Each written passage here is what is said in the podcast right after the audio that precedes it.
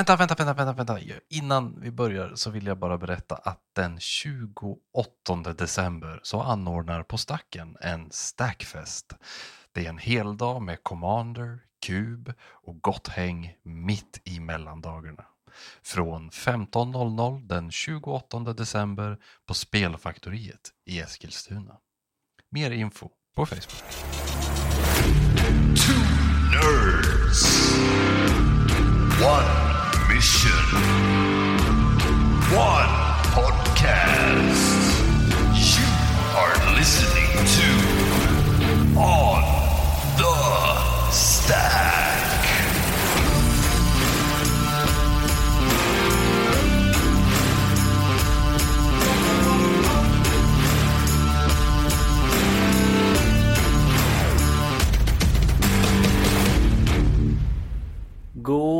God dag eller god kväll eller god eftermiddag eller vad, vad klockan nu är när du trycker på play på det här avsnittet, avsnitt 41 av den mysiga Magic-podden på Stacken. Verkligen mysigt att ha er här. Det börjar ju nalka mot jul om man lyssnar på det här i nära anslutning till att vi släpper det. Mhm. Och eh, det har vi ju inte, vad heter det, skitit i här direkt. Vi har ju Nej, käkat eh, mjuk pepparkaka, druckit julmust. Ja men visst, visst vad mer kan man önska? En sillabit. Det är en sillabit och att få lyssna på när vi avslutar en long going avsnittscycle skulle man kunna kalla det på Magic-språk då. För det är vad man brukar kalla det när det kommer någonting av varje färg i Magic då. Alltså Japp. typ i ett set att det finns ett Ja. removal i varje, varje color. Ja, visst, Eh, och en command och en confluence. Exakt. Ja, och vi har gjort en sån avsnittscycle om Magics färger. Och vi har gjort vitt, vi har gjort rött, vi har gjort grönt, vi har gjort blått. Och nu är det dags att prata om färgen. Svart. Mycket riktigt. Eh, och det, det var lite missvisande där att det, man skulle kunna tro att du skulle presentera att vi hade någon slags jultemaavsnitt. Men jag tänker att svart som färg är väldigt långt ifrån julstäm, vad julen står för. Inte här i Norden. Det är ju sjukt mörkt just nu tänker jag. Det blir ju inte mycket mörkare än så här. Jo, jo, sure. Och många har väldigt mycket ångest nu. Vilket man skulle kunna koppla ihop med färgen svart. Det är ju antalet liksom, eh, depressioner som utlöses av det mörka halvåret är ju väldigt många. Och vad, Nej, vilken färg representerar depressioner bättre än färgen svart? Jag antar det. Men det här med att ge och eh, vad heter umgås och tacksam för sin familj och så. Ja, vi får se om vi får ihop det, en, en koppling. Vi utlovar inte så mycket Christmas spirit kanske. Det vi får väl se om, om eh, Kristoffer kanske kan klippa in lite sådana här jingle bells eller något någonstans randomly i avsnittet för att få lite jul, eh, julkänsla. Absolut, absolut. Liliana med löst skägg och tomteluva någonstans. Det är svårt att klippa in i en podd. Ja, med thumbnailen. Ja, alltså vi har ju en Patreon nu för tiden. Just det. I samband med att vi släppte avsnitt 40 och städade om lite i podden så gjorde vi en Patreon. Vi har fått våra första patrons Mhm. och eh, vi tänkte presentera alla nya patrons i, i podden. Man får en shoutout här som en del av sina eh, belöningar då för att man är med och, och backar oss. Det är man verkligen värd. För pengarna som vi samlar in i en Patreon går ju liksom bara till att vi ska kunna göra mer och bättre podd och hitta på roliga saker eh, tillsammans med våra lyssnare egentligen. De första som har valt att eh, ta det här steget och eh, lyfta på stacken då genom Patreon är inga mindre än Fnatte och Chatte, Linda, Alexander, Maria, Katja, Nick och Marcus. Mm. Ett härligt litet gäng. Jag kan bara flika in en sista grej också där och det är ju att eh, det finns ett helt eh, rykande färskt Patreon-avsnitt till att lyssna Ja, på som vi spelat in då. Eh, och den här gången blev det en av våra kära topp 10-listor, eller 10-listor. Eh, Jo, men det var lite av topp... Ja, jo. Top... No, mm. Typ en topp 10-lista i alla fall. ja, Good, good stuff. Snegla på, på våran Patreon så, så kommer ni få ett, eh, där kan man faktiskt provlyssna. Man kan lyssna på en liten del av, Okej. av det här. Oh, wow. Sneak peek. All right. Ja, ni hör. Ja. Ja men eh, jättekul att ni är här och eh, ingen mer reklam för våran, eh, våran Patreon utan nu kör vi istället rakt in i temat. Välkommen till avsnitt 41 om svart. Du drar sju kort och kollar snabbt igenom dem. Du är inte på play det här gamet och det är inte direkt en drömhand men det har, ja, ett av dina nyckelkort. Och du tänker att det här får nog duga. Keep.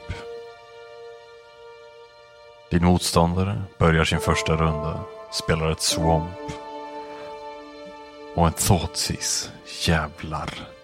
Plötsligt känns det här som att det kanske inte var en så bra keep ändå.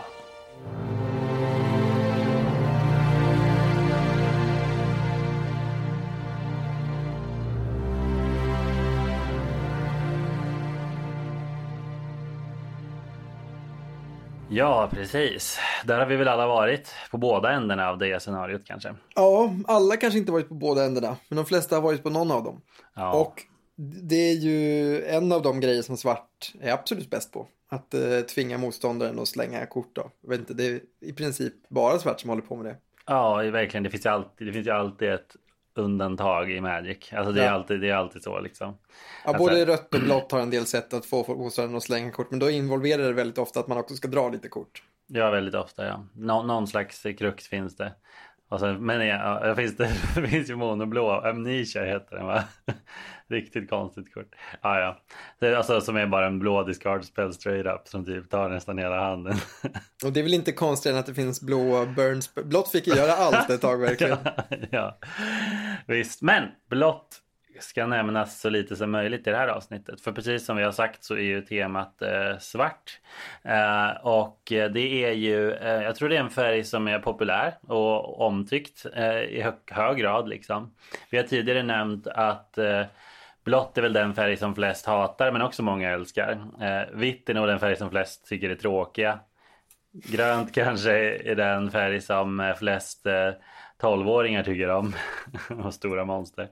Eh, och sådär. Men, och, och svart, vad tror du den? Vad är din första fördom om färgen liksom? Om de som spelar den eller om själva färgen. Nej, nej, om, om communityns åsikter och vilka som spelar den och så. Men det känns som att om man ska ha liksom svart som sin pet color, alltså verkligen vara all in svart. Det finns ju, för mig i alla fall, kanske framförallt två typer av svarta eh, spelare. Mm. Det är ju dels de som gillar att eh, alltså, orsaka lidande för sina motståndare. Visst, eh, bara straight forward, bara, oj den här färgen verkar kunna göra mycket misär. visst. Här, här vill jag vara. Alltså att man är lite en Ja. edgelord. Ja, så kan det vara. Den andra är ju folk som bara är liksom lite darkness i livet. Om man bara känner liksom en affinity till den här färgen. Alltså typ man gillar väldigt mycket black metal, got. Man tittar på arten och tänker, fy fan vad fint. Den här jävla geten som bara dödar någon när den kommer in. Nej, vad tänker du på då? Chupacabra. Ja, ja jo, absolut. Alltså, så, Tänk att det snarare är vampyrerna än chupacabrorna som drar folk till färgen. det kan vara så. Det kan, man vet inte Harry.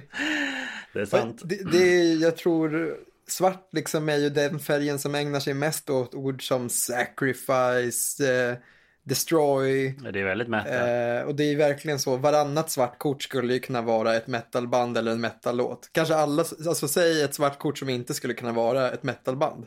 Förutom kanske någon namnet på någon legend liksom. Nej men så är det. Så är det absolut. Och verkligen. Speciellt så, de måste ju också hitta på nya namn till alla vad heter det, killspells eh, till exempel. Alltså som då också låter väldigt metal. Jag tänker på så här ulcerate liksom. Det betyder garanterat något läskigt. Men det hade ju man inte hört om man inte spelar Magic. Eller lyssnar på death metal. Eh, och det, fin- det finns ju det här ordet för att specifika ordet för att kasta någon ut från ett fönster. Vad heter det? Vet du? Nej, jo, jo, jo, det gör det ju. Defenestrate. Ja, just det. Det är kul. Det visste jag inte innan Magic. Nej, precis. Nej, det, det är ett väldigt ikoniskt eh, kort. Det är från, eh, vad heter det, New Capenna va? Nej, tidigare till och med. Det bara att det var väldigt logiskt i New Capenna. Alltså det hade varit logiskt om det var där. För att det är sånt maffian gör. Ja, det är högt upp i husen. Och man, Ja. Defenestrate är nog från ett Ravnica-set förresten. Ja. Skitsamma vart den kommer ifrån, jag gör bara ja. bort mig för det är säkert inte från någon av dem. Men eh, hit me up in the comment section som man brukar Ja, säga. exakt. På vad, men jag, jag tänkte bara så här då, för min fördom om svart, alltså Just folk spelar svart. Om det kommer in en person Mm. på din FNM med corpse paint och nitväst och kängor med 18 hål. Ja. Vad tror du att den personen spelar fördomsfullt när den tar fram sin lek slivade i helsvarta Dragon Shield Sleeves matta? Jo, jo, visst, visst. Jag förstår poängen. Ja, det kommer finnas Kabalkoffers i den modernleken. ja, verkligen. Ja, nej men så är det. Och vem, vem, vem av oss har inte en, eh, det är en cringe sak att säga, men vem av oss har inte en mörk sida liksom? Uh, på ett, och jag, och jag tänker eh, inte minst, alltså de flesta nördar gillar ju liksom skräckfilm också. Det kommer ju typ till With the Territory. Uh, och då, då, då sitter man där liksom med zombie, zombie tribal. Ja, nej men också det är sant. Alltså svart har ju några av de mest ikoniska creature typesen också. Det finns Ja, mycket ja. att älska med svart alltså. Vadå, demoner, vampyrer, zombies, det är fan... Ja, ja visst. Ja, Men på samma sätt som jag nämnt tidigare att, här, att spela vitt liksom det känns lite som att välja human när man spelar fantasy rollspel typ liksom. Och, på, och då är det klart att på, på samma sätt känns det så logiskt för många att man vill vara de onda liksom. ja. Men det kommer vi komma in på. Att är svart de onda? Mm, ja eller nej, kanske både och. Det får vi se vad, vad lyssnarna och vi tycker när vi har pratat klart. Men- Eh, ja, Verkligen. Och en sista sak liksom i det här eh, lite fördomsfulla försnacket. Då. Vi kommer säkert hinna snacka fördomar mer. Men, men jag tänker också att eh, svart är en färg som får fuska mycket. Alltså får liksom göra saker som känns lite busigt. mm, På ett sätt som många andra färger som är lite mer straightforward kanske inte gör. mm, Alltså den här grejen med typ, alltså Dark Ritual är ett sånt kort som har låtit svart genom åren göra saker alldeles för snabbt. Och också andra så här underkostade spells som typ Reanimate. jo, visst. Vet, det känns som att svart ofta har haft liksom eh, tillgång till saker som bryter spelet lite. ja, Och det jo. lockar ju också till sig en viss typ av spelare. Jag skulle säga det att svart är efter blått kanske den vanligaste kombofärgen. Mm. Eh, correct me if I'm wrong. Det är säkert, det är säkert eh, en halv sanning. Ja, det är nog svårt. Jag vågar inte, jag inte, vågar Men- inte säga det själv säkert. Men, eh, Men det finns låter någonting i alla fall med typ Dark Ritual och hela den här grejen med att försöka liksom bryta spelet lite som känns lite svart. Ja, och det drar ju till sig liksom spikesen förstås. Speciellt i Eternal-format liksom. Alltså Ja. att göra... Det, det är alla som spelat Magic ett tag vet ju att så här, om du får göra någonting väldigt starkt, väldigt billigt så är det det du vill vara liksom. Oftast. Ja visst, jag menar jag tänker på till exempel blåsvart, bara good stuff i Legacy nu. Det som mörk kallas ibland Murktide eller blåsvart scam eller vad det kan vara liksom. Där är det ju precis det. Då ser vi att någon har tagit liksom, vad är det bäst svart är bäst på? Ja, ta någons bästa spel för en mana. Ta någons största gubbe för en mana. Du vet. Alltså gör en stor gubbe för en mana med någon sån effekt. Eller kanske, de spelar inte Dark Ritual kanske, men det är också en mana i, i Legacy liksom. Den spelas ju här och där. Ja. Eh, använd den för att spela liksom Shield eller tur 2 eller någonting. Nej men så är det ju. Svart kan verkligen göra, göra sådana hemska saker. Och sen på en mer casual nivå så känns det ju helt ärligt lite fuskigt. När din, vad vet jag, alltså när din gigantiska worm eller dragon blir dödad av en tvåman och removal spell liksom. Det minns man ju från skolgården tänkte jag säga. Eller snarare borden på rasten i skolan. För mig i alla fall. Alltså att jag hade ju någon, någon Din kompis. Shivan Dragon fick smaka en Doomblade liksom. Exakt, det kändes ju väldigt orättvist. Det kändes ju fuskigt, alltså fast från, åt fel håll då, att man var sur liksom. Ja. Och jag menar, vi hade, jag hade en gammal kompis som bara spelade monogrönt liksom. Eh, benet som han kallade han, eh, han var ju så jävla sur och han hatade ju svart. Det var ju hans minst favoritfärg. Just för att han spelade ju stora gröna tjockisar. Alltså som Rocks och Tornado Elemental och Thorn Elemental. Eh, och de alla dog ju till Dark Banishing eller Terror liksom. ja, och svart sa till och med att man inte fick regenerata. Alltså vilken Japp. jävla stil. Det var ju grönt liksom. Ja, har klara- ju Regenerate liksom. Nej. Det är eländigt. Ja, ja. Ja, men eh, du ska ju få eh, hålla låda lite här nu i början, första halvan av avsnittet. Ja, precis. Vi Eh, du ska det. få liksom gå igenom eh, tankarna bakom svart lite så. Eh, och, och filosofin. För det är någonting vi har pratat om i de tidigare avsnitten, att färgerna representerar idéer och att det är en av spelets stora styrkor kunde man höra då i förra avsnittet. Att färgerna är liksom mer än bara spelmekanik. Det är också en, en filosofi. Det finns liksom begränsningar inom färgen och vi tänkte att vi ska börja lite i vad är tanken med svart liksom och vad representerar svart i Magic the Gatherings värld. Ja, men exakt, exakt. Det är någonting som jag tror att väldigt många spelare inte reflekterar så mycket över och heller inte måste göra. Alltså det är inget fel att ignorera den här biten. Eh, många gör ju det misstaget när, man, när de kanske, och då tänker jag folk som inte alls spelar Magic eller liknande spel, men som ändå vet en gnutta om det. De tänker nog att Magic har rollspelselement i sig för att de har hört talas om Dungeons and Dragons. Genom att de har kollat på Stranger Things och sådär. Men det har ju Magic inte. Men däremot så har det ju mycket vad- det finns ju, vad- det finns ju liksom en möjlighet att dyka in i det för de som vill. Eh, så är det ju till 100% och eh, för vissa så är det en stor liksom plus med det hela. Alltså att färgerna är lite som horoskop eller så liksom eller ett personlighetstest. Ja, man kan göra sådana test på typ Facebook Ja, eller, kan eller nätet. Så här, ja, men vilken färg är du? Svara på de här tio frågorna. Så, Ja, ja, och då är det ofta frågor om värderingar och ideologi och filosofi liksom. ja, precis. Du ställs inför olika val. Typ så här, du hittar en, en eh, rik köpman som har eh, ramlat ner i ett dike och skadat sig. Vad gör du? Så får du fem olika val. Och varje val representerar liksom Mm. vad de olika färgerna då skulle göra. Och så kommer du helt till slut att få bli indelad i, i en av de fem Magic-färgerna. Ja men precis. Så, Ja, Eller till och med få procent vet jag att det finns prövor. Så här, du är 33 procent svart, eh, Mm. 17 procent blå.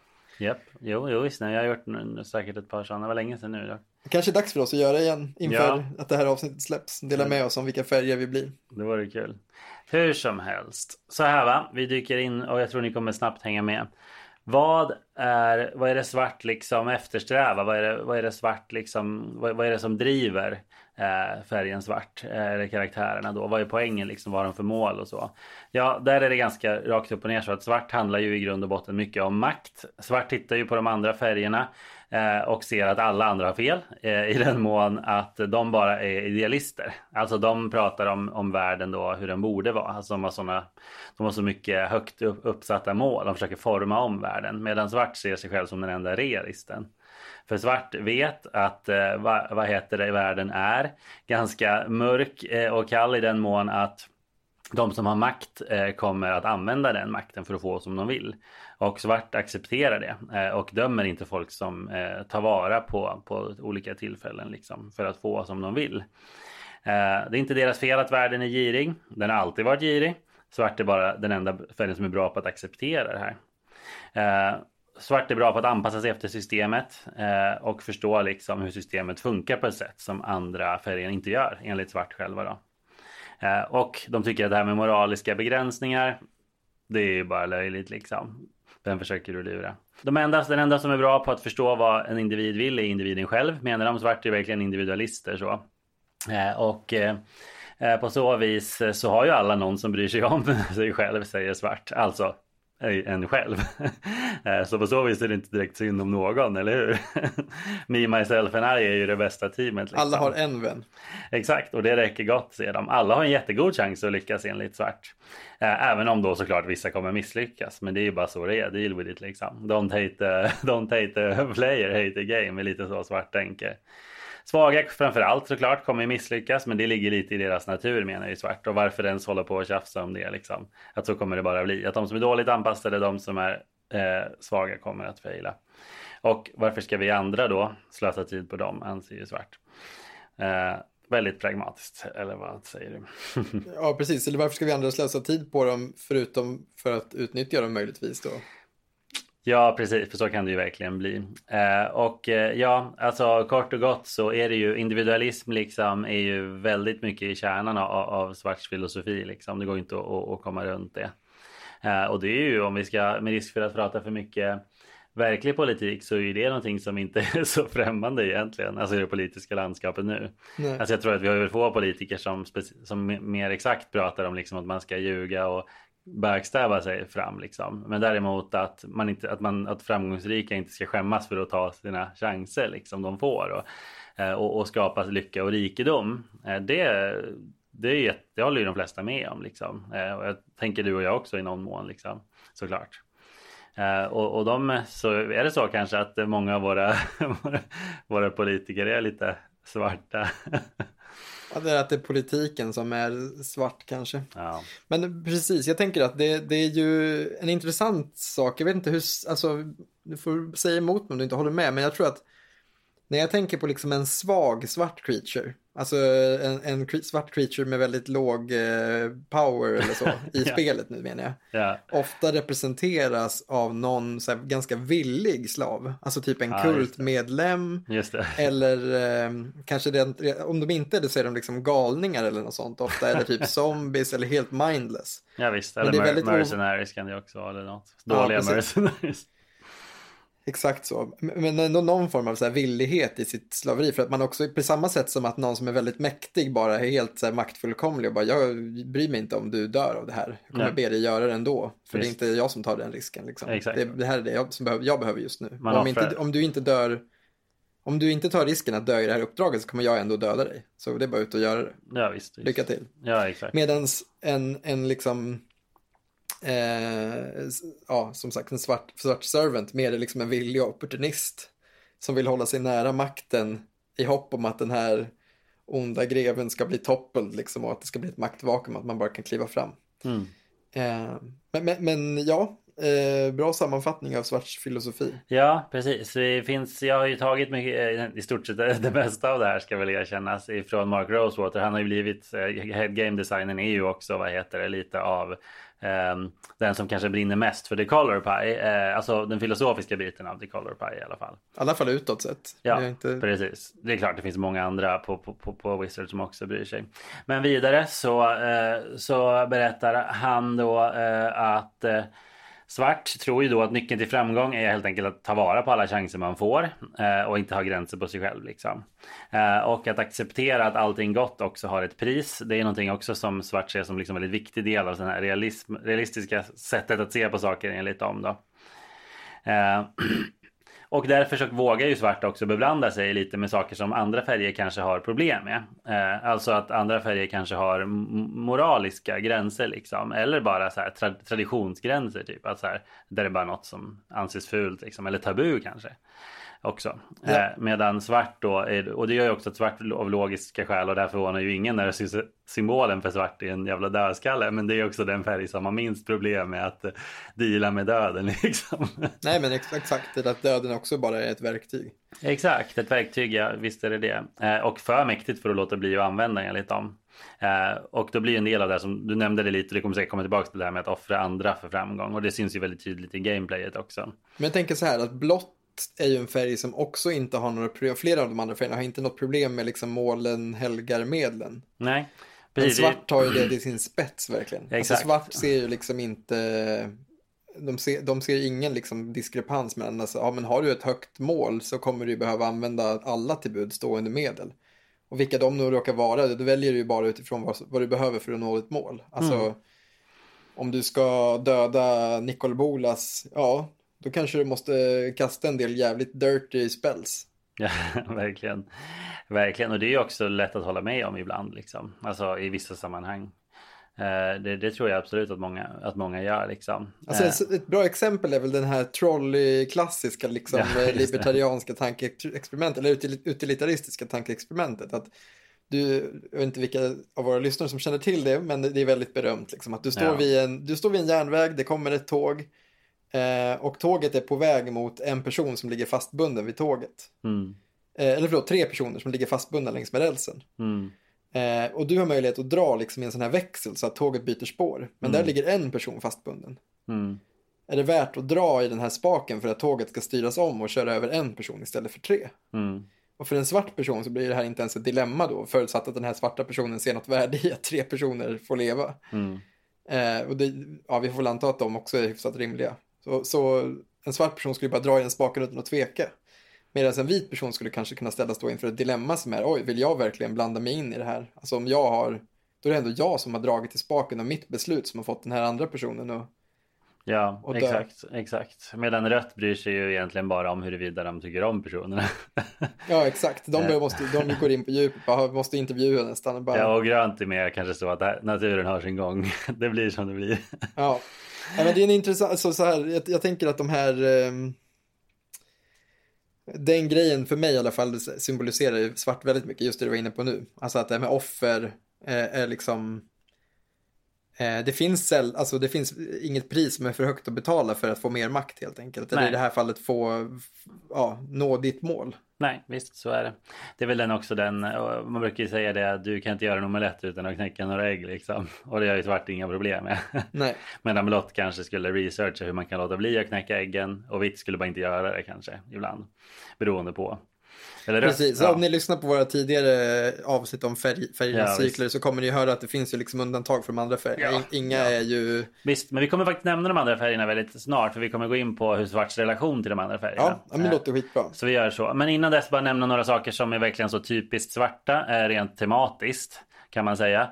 Det första är ju döden såklart. Alltså det är det, det som vi redan har nämnt. Någonting som de andra färgerna ser som ganska tabu. Men svart bryr sig inte om det. Svart bryr sig bara om resultat. Eh, Och döden är ett väldigt effektivt verktyg liksom. Eh, Och det har verkligen blivit en stort klassisk del av svart liksom. Och på samma sätt så har ju svart inga problem med de odöda då. eh, För det här är ändå fantasy. Och det förvånar ju ingen. Alltså både zombies och vad heter det, skeletons och liknande.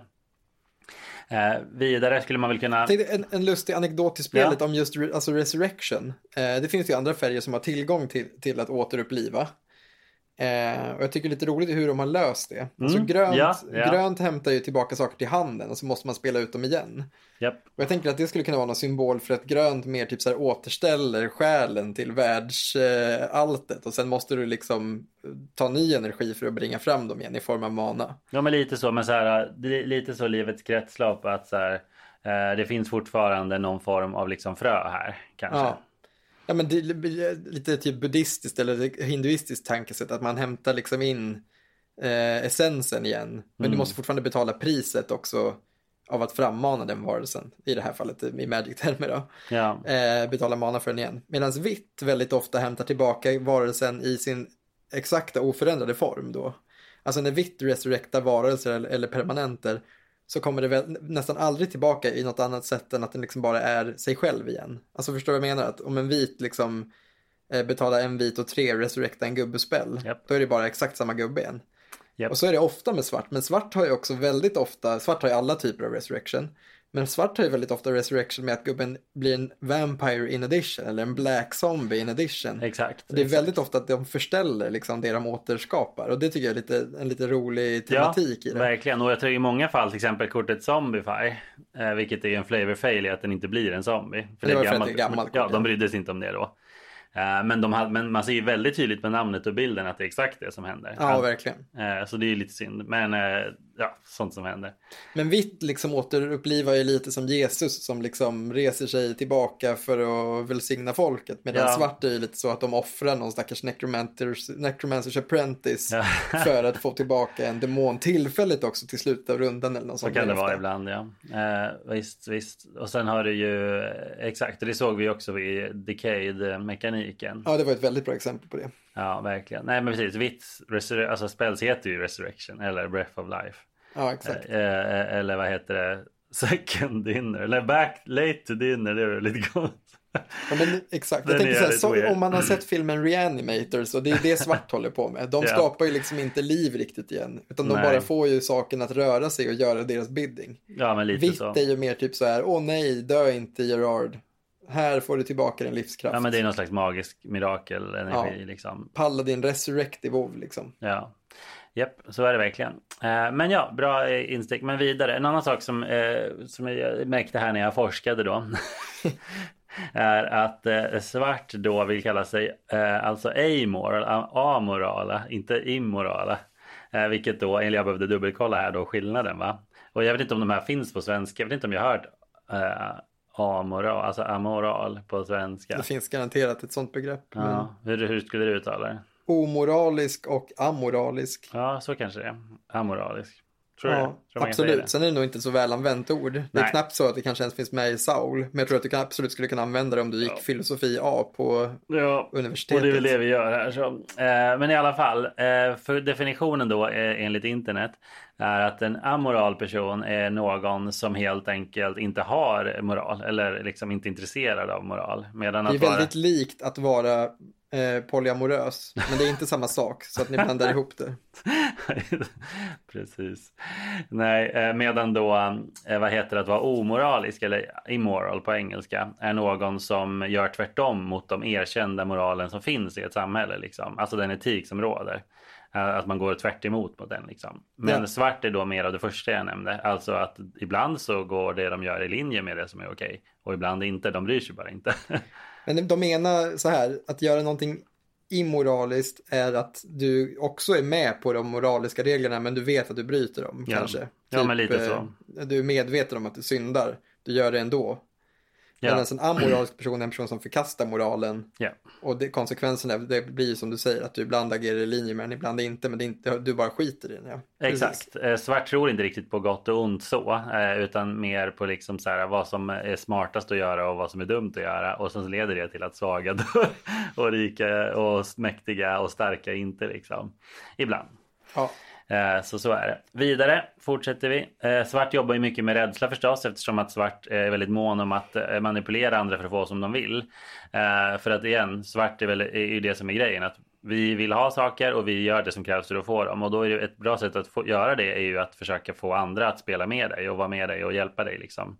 Eh, Och det kan göra de gärna med att helt enkelt genom att bara skrämma folk. Eller folk och folk. I Magic Det är ett väldigt saker. effektivt verktyg helt enkelt. Exakt, exakt.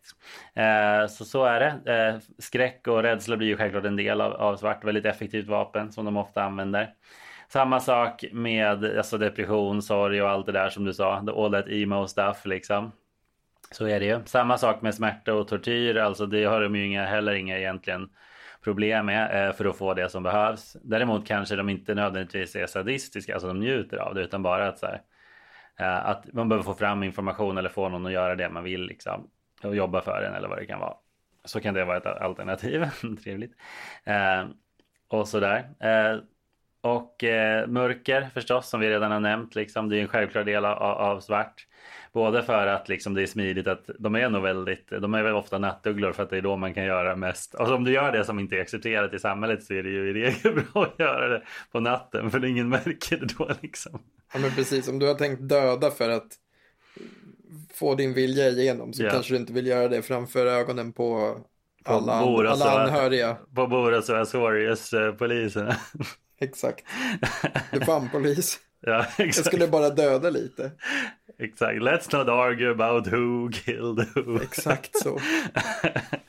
Vidare eh, så vad heter eh, så jobbar ju svart en del med, med liksom sjukdom. Alltså jag menar det är ju någonting som vi ser på kort, representerat på korten ibland. Alla spreading plagues liksom som vi har nämnt. Det, det är ju verkligen en svart grej. Får Ja. man ju säga. Det finns väl ingen annan färg som sysslar med sjukdom riktigt på det sättet. Nej exakt. Alltså sinnessjukdom skulle kunna tillhöra blått. Mm, ja. Det känns som är det som ofta hamnar i blått. Att De man får- liksom angriper folks eh, eh, sinnesskärpa. ja, verkligen. Ge dem minus x minus noll i power. Ja. Eh, och, och vitt kan ju ibland syssla liksom med en del fysiska men som att typ, så, göra, paralysera folk och sådana saker. Alltså ta ifrån folk deras styrka på det sättet. Eh, genom att göra dem ja, pacificerade. Men, men det är ju definitivt en svart grej med liksom rena sjukdomar. Ofta representerat genom att minus minus. Japp, japp, så är det. Och det är ju fullt logiskt liksom. Eh, vidare så um, det blir ju en del svek och korruption för svart och det är väl också då förmodligen därför de är ganska jobbiga att ha som kompisar liksom. Ja, ja. Eftersom att de eh, helt enkelt kan vända över ryggen till dig om, eh, om du inte längre är, är liksom, de- får ut något av dig liksom. Även om de är väldigt svarta så, så är de ju bara din vän så länge det gynnar dem. Ja. Eh, och blir det, ja, det kan ju vara så att de verkligen gillar det, men blir det för liksom, dyrt för dem att gilla det så måste de bryta med den, det gillandet för att det har blivit ett hinder för att nå deras mål. Ja men exakt, exakt. Och det där är ju någonting som jag tänker att man känner igen från mycket populärkultur liksom. Och det ska väl också något som kan sägas redan nu att så här, det är ju självklart att ehm, att svarta karaktärer ofta är de onda. Vi kan lika gärna ta det nu. För att det, här är ju liksom, det finns ju en allmän eh, idé om att svart är den onda färgen. Och jag menar, om man är som mig och kanske liksom inte tror att det bästa samhället är ett hyperindividualistiskt så är det lätt att hålla med om det. Men det är fortfarande en förenkling hur man än vrider och vänder på det. Alltså Magic eh, har ju som ambition att det ska vara lite enklare än så. Alltså det är inte bara de, de onda och de goda liksom. Svart och vit är de onda och goda. Men var hamnar då de andra färgerna? Alltså det går ändå inte ihop liksom. Eh, det är ju att svart rent, alltså i, i all populärkultur liksom och hur vi förknippar saker och ting så är det ju så självklart att stämpla svart som de onda punkt liksom. Och igen, som vi har sagt och pratat om, det blir ju lite så eh, ofta. Men inte alltid, det är väl den brasklappen som är intressanta liksom. Men jag tror, alltså så här, deras, det vi har redan har listat upp om svart, vi har inte ens sagt allting än, det kommer Nej. finnas ännu mer saker som stärker det Ja, caset. ja, leder ju till att svarta karaktärer oftast blir väldigt mäktiga och väldigt mycket makt centrerat i en person kan ju ofta leda till att någon blir ett problem som de övriga behöver hantera. Vilket ju då, det blir ganska naturligt att många storylines leder mot att någon, någon eh, färgkombination innehållande svart ofta får stå för, för det onda. Eller liksom det som behöver, behöver hanteras då. Eh, men som du säger, mer och mer ända sedan liksom den första stora story arken i Magics historia har ju andra färger fått vara med och representera problemen. Eh, och, och, och, alla färger har ju som vi har sagt i den här cykeln, eller vad man ska, avsnittscykeln, har ju sina eh, mörka sidor. Problemsidor liksom, som innebär problem för de andra.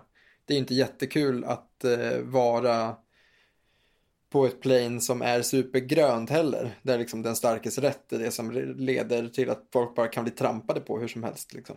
Verkligen inte. Eh, och jag tycker att det är en sak som är ett bra sätt att förklara det är ju att några exempel, alltså, ta så här populärkulturella exempel på karaktärer som skulle vara svarta men som folk ändå gillar. För så är det ju verkligen. Alltså svarta karaktärer är nog ofta de som är typ mest, alltså kan vara extremt party och extremt modiga liksom och roliga och intressanta och ha spännande idéer liksom och sådär. Eh, och bara är allmänt underhållande liksom att vara med. Det tror jag det gäller röda karaktärer också mycket liksom men, men ändå. Några exempel som jag googlar fram här kring så här karaktärer som skulle kunna klassas som monosvarta men som man ändå är, folk gillar är ju typ Han Solo i Star Wars. Alltså han liksom, han har ju förvisso en kompis men han är ju extremt misstänksam mot alla liksom och gör ju saker bailar ju på sina kompisar då och då liksom. Svårt att placera dem som monosvart, ja, min bild av honom. Men, men jag är inte någon Star Wars-nörd. Eh, och kanske inte rödsvart heller. Alltså han är ju ändå, han har ju kollektivistiska drag också. Han slutar ju ofta med att han liksom väljer att hjälpa sina polare. När han sagt så här, jag bryr mig bara om mig själv, jag kommer dra så kommer han tillbaka liksom och hjälper till. Men, men... En annan, absolut, monosvart är kanske att ta i. Eh, men, men, en, men karaktär med svarta drag, absolut. Fortsätt. Och samma, en annan sån är ju Jack Sparrow i Pirates of the Caribbean. Ja. Helt klart. han bailar ju på sina kompisar också hela tiden. Han har alltid ett end goal och ljuger liksom och, och fular liksom för att få sitt, vad han nu är på jakt efter. Ja, jo, men han är ju mer makthungrig. För det väl en annan sak jag tänkte som kanske inte passar bra på Hans Solo. Mm. Han är inte supermakthungrig. Han är kanske egoistisk, men. Han vill ju alltid, han vill ju ha pengar liksom och, och sådär. Men han är inte så mycket för att bestämma ju, över andra. Nej, visst, men och han är ju en Bounty Hunter, vilket är en väldigt svart eh, jobb. Han har liksom. starka svarta drag. Jo, men du har rätt. Han känns inte monosvart. Jag håller med. Jag, eh, som sagt, det, var ett exempel som jag googlade fram lite. Eh, en annan eh, skulle ju vara typ så här Bart Simpson. Ja. Uh, han är ju väldigt svart också. Han är ju bara ett barn förvisso, men du fattar liksom. Uh, en karaktär som är, tänker väldigt så eh, ibland kan vara ganska lömsk eh, och, liksom, och, och, och ibland luras och, och bryta mot, skita i vad som anses acceptabelt. Antingen för sin höga nöjes skull eller för att få någonting, alltså något materialistiskt liksom.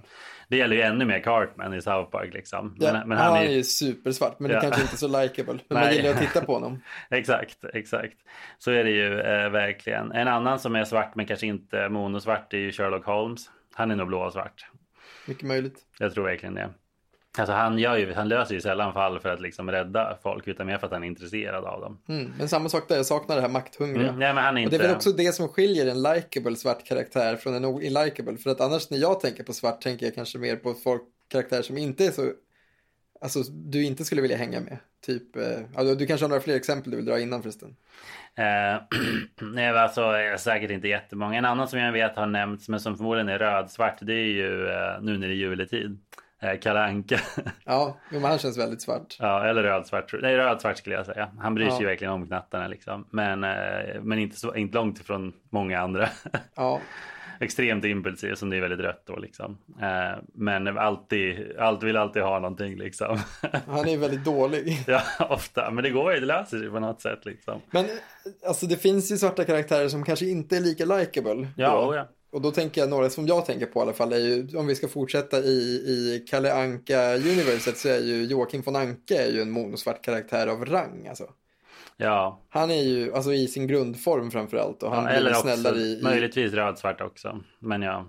Han är så impulsiv verkligen på det Nej, sättet. Nej, inte alls, men han är ändå, han är han, han är extremt, eh, han kan vara väldigt eh, emotionell liksom, eh, men just med, med the chosen few liksom. Eh, och Men jag tänker mer på det här att vara av sjukt makthungrig och att drivas Absolut. nästan enbart av att vilja liksom för, förmera sin förmögenhet. Det känns ju supersvart. Jo, jo, han är absolut eh, svart, kanske inte bara. Eh, det är väl nog på vilken variant man har tagit det är det jag del av. menar, om man ska tillåta svart att vara nyanserade, Ja. vilket ju vi sagt att man ska göra, Jo, visst, då, visst. då tänker jag Nej, att det- så här, det kan finnas utrymme för godhjärt, alltså att godhjärtade drag, svarta Åtminstone. karaktärer. Ja, Men, men att de i slutändan Nej, sure. ändå, alltså i första hand är någonting annat, till exempel egoistiska. Men det är aldrig så enkelt. På samma sätt som att många vita karaktärer kanske inte är 100% genomsyras av sitt Nej. det här eh, kollektivistiska. nej, Men, men jag tror, eh, precis, för annars monosvarta karaktärer som är mindre likable, som man tänker på kanske direkt, Mm. är ju typ Voldemort. Ja, oh ja. Alltså, det finns, kan inte komma på en mycket svart, alltså han bryr sig bara om en enda sak, och det är att han ska bli den mäktigaste trollkarlen. Ja, Fuck visst. alla andra. ja, men som många skurkar i populärkultur liksom. De känns ju oftast som att de passar in väldigt bra i det här monosvarta idealet. Alltså de här superskurkarna. Oh ja. ja, ja, självklart, självklart. Det blir ju så. Och det är ju därför svart ofta är skurken i Magic Story också, helt ärligt. Det är ju Ja. så liksom. Inte alltid, absolut inte alltid. Men vilken färg är Batman? Eh, det är en bra fråga. Alltså han känns ju, nu är ingen av oss Batman-experter. Han har ju rätt många drag den jäveln, eh, läderläpen. Han har ju blått i den mån att han är liksom the greatest inventor och en detective och sådär. Ja, Eh, han har ju eh, vitt i att han ändå försöker, någonstans tror att han gör världen bättre liksom och försöker göra världen bättre och har så här sense of justice liksom. Men samtidigt, han gör det ju på sitt extremt eget egoistiska sätt liksom. Eller på sina, sina ramar och sådär. Och han använder ju mörka krafter. han känns ju lite amoralisk till exempel. Ja. Men han har sin egen moral. Och vilket är amoraliskt? Ja, jo, så är det Han väl. vill ju inte döda folk, det är ju ganska osvart. Nej, Han är, inte, han är ju definitivt inte monosvart, det kan jag ju hålla nej, med om. nej. Eh, verkligen inte. Verkligen inte. Men några av, av, av superhjältarna skulle nog också kunna ha lite svarta drag. Så Tony Stark har ju det ibland, Iron Man liksom. Ja. Han är ju extremt i sitt eget race liksom. Och ställer till det för alla andra hela tiden. Han är ju fan en jävla weapons dealer liksom i början i alla fall. Ja, ja, visst. Ehm, Ja, han känns lite som att eh, målen helga medlen och så. men han känns lite vit, vit svart liksom. Skulle kunna vara. Ja, det är intressant det här med att försöka placera in karaktärer. Ja, och det- kommer kanske komma tillbaka till det under det här Kanske, och det kommer ju också bli mer av det eftersom att vi har Universes Beyond eh, till höger och vänster nu. Så Ja, nu visst. får vi ju svar på alla de här frågorna. I alla fall vad, vad, vad Wizards tycker. Ja, exakt. Vare sig vi vill eller inte liksom. Eh, Så är det ju. Eh, Hur som helst. Lite annat. Sauron. Jävla svart karaktär får man säga. Ja, men kanske sjukt nog. För nu ska jag snart sluta med. Men han har- ju verkligen en grand idé. Alltså som många onda har liksom. Vilket när man börjar närma sig det vita då faktiskt. Alltså så här, vitt har ju så ofta makten att bestämma över alla. För att de, vill, du vet, de tror sig vilja alla bäst liksom. Ja, men frågan är om han verkligen tror det alltså. Kanske inte just Sauron. Men, eh, men liksom Tha- Thanos i Marvel är ju absolut så. Han är flerfärgad, ja. Ja. Ja. Hur som helst. Eh, lite annat som man kan nämna. Svart har liksom vi redan nämnt på med lite en hel del manipulation, självklart individualism eh, och eh, vad heter det, det här med att eh, eh, ja, det blir ju en del fåfänga också, eh, ska väl erkännas. Det, kommer väl, det blir väl lätt så när man, när man också uppnått sina mål och har den möjligheten. Så varför ska man inte unna sig och götta sig liksom? Det är ju någonting de delar med rött också. Eller hur? Ja. Eh, Det är de man tänker som hänger mest på klubben. Det är de rödsvarta liksom. Eh, något eh, annat ett sånt begrepp som slängs med hit och dit är ju machiavellianskt. Eller så här, maki- machiavellianism kan man väl säga. Och där kommer ju svart in. Och det betyder ju alltså att egentligen bara att ändamålen helgar medlen och att man måste ofta använda chock och våld och, och skrämsel för att få folk i led liksom. Ja, Eh, vilket de ibland så då delar med, med vitt då för att komma tillbaka till den poängen. Det skulle jag säga. Eh, ja men det är väl lite om eh, vad heter eh, eh, svart liksom vad de håller på med. Men jag tänker att vi kan eh, eh, föra röra oss lite mot det här med just vad de tycker om de andra färgerna och så. För det är lite kul, vi har redan kommit in på det så det passar väl bra. verkligen. Yes. Innan dess kanske vi borde ha en liten uh, avstickare för att liksom en palette cleanser, vad säger man? Absolut. Vad sägs om eh, kort och gott? Ah, just det, exakt. Eh, ett eh, kanske framtida favoritsegment för många. Den här gången har vi fått våran kort och gott från en av våra Patreons. Och eh, den här gången är det Fnatte och Chatte, vår första Patreon. Också en shoutout där, för Fnatte och Chatte blev Patreon innan vi ens hade annonsat att vi hade en Patreon. Oj. Vilken... Vet inte hur eh, du har hittat oss på Patreon, men det gjorde mig väldigt glad när jag skulle gå in och börja uppdatera sidan och såg att vi redan hade en betalande medlem. Fantastiskt. Eh, ja, det är verkligen Om vi starkt. vill öka siffrorna kan vi säga att vi har två för att det är Fnatte och Chatte. Ja, antar det. Förlåt. Um, Fnatte och chatt. Ja, jag skrev ut i våran Patreon att Ja. man var, fick vara med och föreslå kort till eh, kort och gott som vi kunde prata om då. Ja. Eh, för för oss blir det ju ändå random ändå. Ja visst, visst. Även om det är lite mindre risk då att det blir liksom en helt random vanilla creature från ett eh, gammalt eh, core set. Nej men exakt, exakt. Vilket Ka- kanske egentligen är något positivt då för det här segmentet. Maybe, men jag gillar det. Jag är jätteglad att, eh, att folk eh, har, eh, har skrivit, skrivit och tipsat om kort. Vi har redan fått in lite och Ja. det här inlägget börjar redan bli lite gammalt i, alltså om man tänker hela vår Patreons korta lifespan. Ja. Så det är dags att bumpa upp den så våra nya Patreons också får en chans att bidra då. Men, ehm, ja, kortet vi har fått är Kosei Penitent Warlord. Mhm. Jag tänkte att jag berättar vad den gör och sen eh, ser vi vad vi har att säga. Japp. Det är en Legendary Creature Ogre Samurai som kostar två gröna och en valfri. Den är en 05 och så länge den är enchanted, equipped eh, och har en counter på sig så står det så här. Kosei, whenever Kosei Penitent Warlord deals combat damage to an opponent, you draw that many cards and Kosei deals that much damage to each other opponent. Ja, ja, jag har sett den här förut. Men eh, det är ju så ofta med, för det här är ett Commander exklusivt kort. Eh, och helt ärligt så är det ju så nu för tiden att jag, det är ofta jag stöter på kort jag inte vet vad de gör. Och så här, det är en weird flex I guess och de som känner mig vet väl det. Men alltså det hände liksom inte förr. Alltså om ett kort släpptes i ett standardsätt så hade jag alltid sett det förut. Och visste förmodligen vad det gjorde. Men nu med Commander-releaserna, jag missar ganska mycket alltså. Och det har jag sagt i andra på stacken avsnitt också. Uh, alltså så här att har ni sett den här eller? Och då får ofta är folk säger nej. Men precis mellan Commander-releaserna, de vanliga releaserna och eh, Universes Beyond-releaserna så blir det en del kort man missar, ärligt talat. Det skulle inte förvåna mig om det finns något common i eh, något ganska recent standard-set som man också är så här, det här vet jag faktiskt inte vart det kommer ifrån. Eh, ja. Eller nej. kanske skulle förvåna dig om du inte visste det, men det skulle inte förvåna mig om det, stötte, om det faktiskt hände. Nej, kanske inte. Men den här vet jag faktiskt. Jag har sett den förut. Och jag, Ja. jag, både för att jag vet att den är med i det här preconet, det här rödgröna preconet i Kamigawa. Jag prackade på vår kompis att köpa det för något, några månader sedan. Och det var det kanske därför jag kommer ihåg den. Men också för att den ju faktiskt är väldigt rolig. Alltså det är ett originellt kort. Ja men verkligen, om du lyckas bygga tillräckligt mycket lego, som man brukar kalla det ibland, som du lägger på liksom alla olika saker på den, då, då gör den någonting väldigt bra. Ja, verkligen. verkligen. Och in, dock inte ens brutet. Inte som att den får hexproof eller något. Alltså den är fortfarande volatile som fan. Om Sen inte- så kan man ju starkt rekommendera eh, EDH-spelaren då att spela Aurora Equipment som ger hexproof. Det känns bra. Exakt. Eller kanske en hexproof counter. Ja, visst det. Mm. Eh, ja men vad, spontan känsla inför kortet? Nej, men jag gillar ju det här. Alltså, där är den typen av command-kort jag gillar som liksom verkligen väldigt straight up säger till dig som spelare. Vad gör du av det här då? jag vet. Bygg något av det här om du kan. Och, Ja. precis, och det räcker inte att bara vara en equipment-lek eller en enchantment-lek eller en... Nej, det är ju eh, för enkelt. För det ser vi hela tiden. Typ varenda jävla eh, eller varannat färdigt precon i en rödvit equipment-lek nu för tiden. Alltså jag skulle inte kunna nämna, alltså det finns liksom så rödvit commander gör något med equipment. Man slutar ju läsa eh, åtminstone tredjedel in. Man bara ja ja.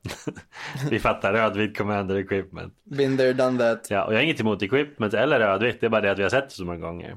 Ja. Men det här är ju en grön som bryr sig om equipment och auror och counters. Så jag, jag gillar det. Jag har inte mött någon som spelat en som commander dock.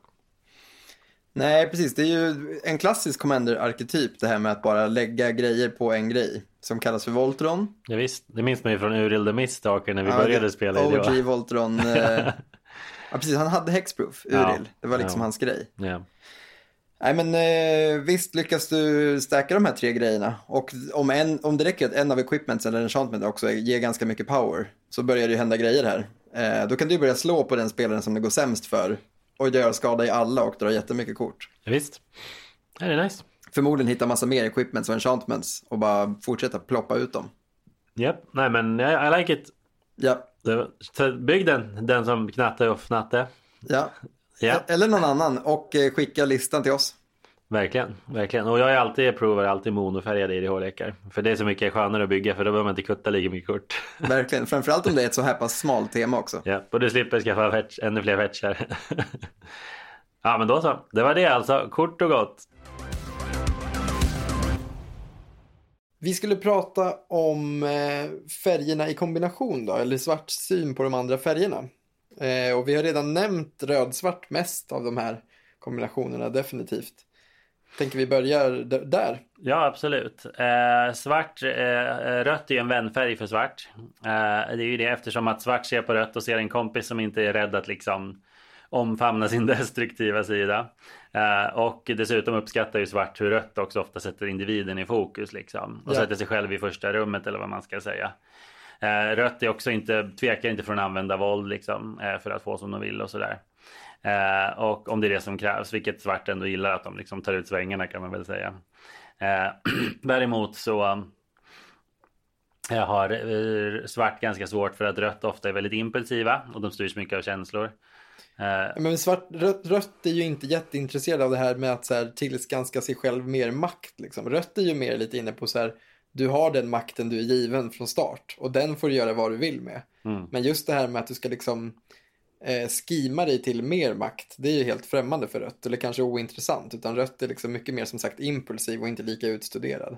exakt, och väldigt mycket mer relationell liksom och lite mer, ja lite så här Lutar åt det mer kollektiva. Det lutar åt det lite, inte alls som grönt och vitt men ändå liksom att de förstår grejen för att de kan ha väldigt starka känslor för andra personer liksom. Ja. Eh, och, eller små grupper. Eh, och offra sig för andra liksom. Alltså rött är ju verkligen den så här Gryffindor, du vet. Eh, eh, om du nämnde ju Voldemort förut och vi har säkert fler Harry Potter fans där ute, motvilliga kanske. Ehm, så ja, nej men så är det ju verkligen. Ehm, och svart gillar ju också blått. Det är också en vänfärg. Precis. Och det är ju mycket för att blått också är en färg som förstår vikten av att liksom manipulera andra och trixa och liksom göra det som krävs för att få som man vill och så. Eh, också att det är väldigt värdefullt med liksom information och analys och vara kalkylerande och så. Eh, det är något som både svart och blått eh, gör liksom. Och blått kan ju också tänja på gränserna på tänker jag kring just moral. Eh, för att Ja, ja visst. Eh, Men kanske av en annan anledning. Skulle jag säga. Alltså blått gör det ju mycket i någon slags... För blått kan också vara ganska så objektiva, kalkylerande och vad vissa skulle kanske kalla kyliga. Eh, Men blått gör det ju liksom in the name of science kan man säga. Eh, Och ofta för the greater good eller bara för värdet av information och kunskap i sig. Liksom. Ja. Av nyfikenhet också. Ja, men blått skulle ju kunna vara självuppoffrande på ett sätt som svart aldrig skulle vara. Alltså blått skulle kunna liksom för sin nyfikenhets skull göra självuppoffringar som gör att du får, sluta med att du får mindre makt i slutändan. Men du lär dig någonting eller du får liksom information som kan vara bra för allmänheten på något konstigt sätt. Eller för nästa generation typ. Mm, Medan exakt. svart tror jag är helt ointresserad av nästa generation. Alltså de Ja. har inte ens det tänket i sig. Nej. Svart syn på klimatkatastrofen är liksom det är nästa generations problem, så fuck Ja. it. Ja. Medan Ja. blått syn på klimatkatastrofen är intressant. Vad kan vi lära oss om det här? Kanske inte ens fullt, eh, alltså, men, men de skulle kunna mötas i att enas om att det behöver inte vara ett problem. Blåtts syn på klimatkrisen skulle kunna vara vilka möjligheter finns det i det här? Är vi säkra på att det här är dåligt? Vi behöver ut, undersöka. Ja, ja men verkligen. Visst är det så. Ehm, exakt, verkligen. Ehm, eh, just det här med att offra sig för andra förstår ju inte svart. Det är liksom en grej som vi kommer se lite som vi redan har nämnt lite.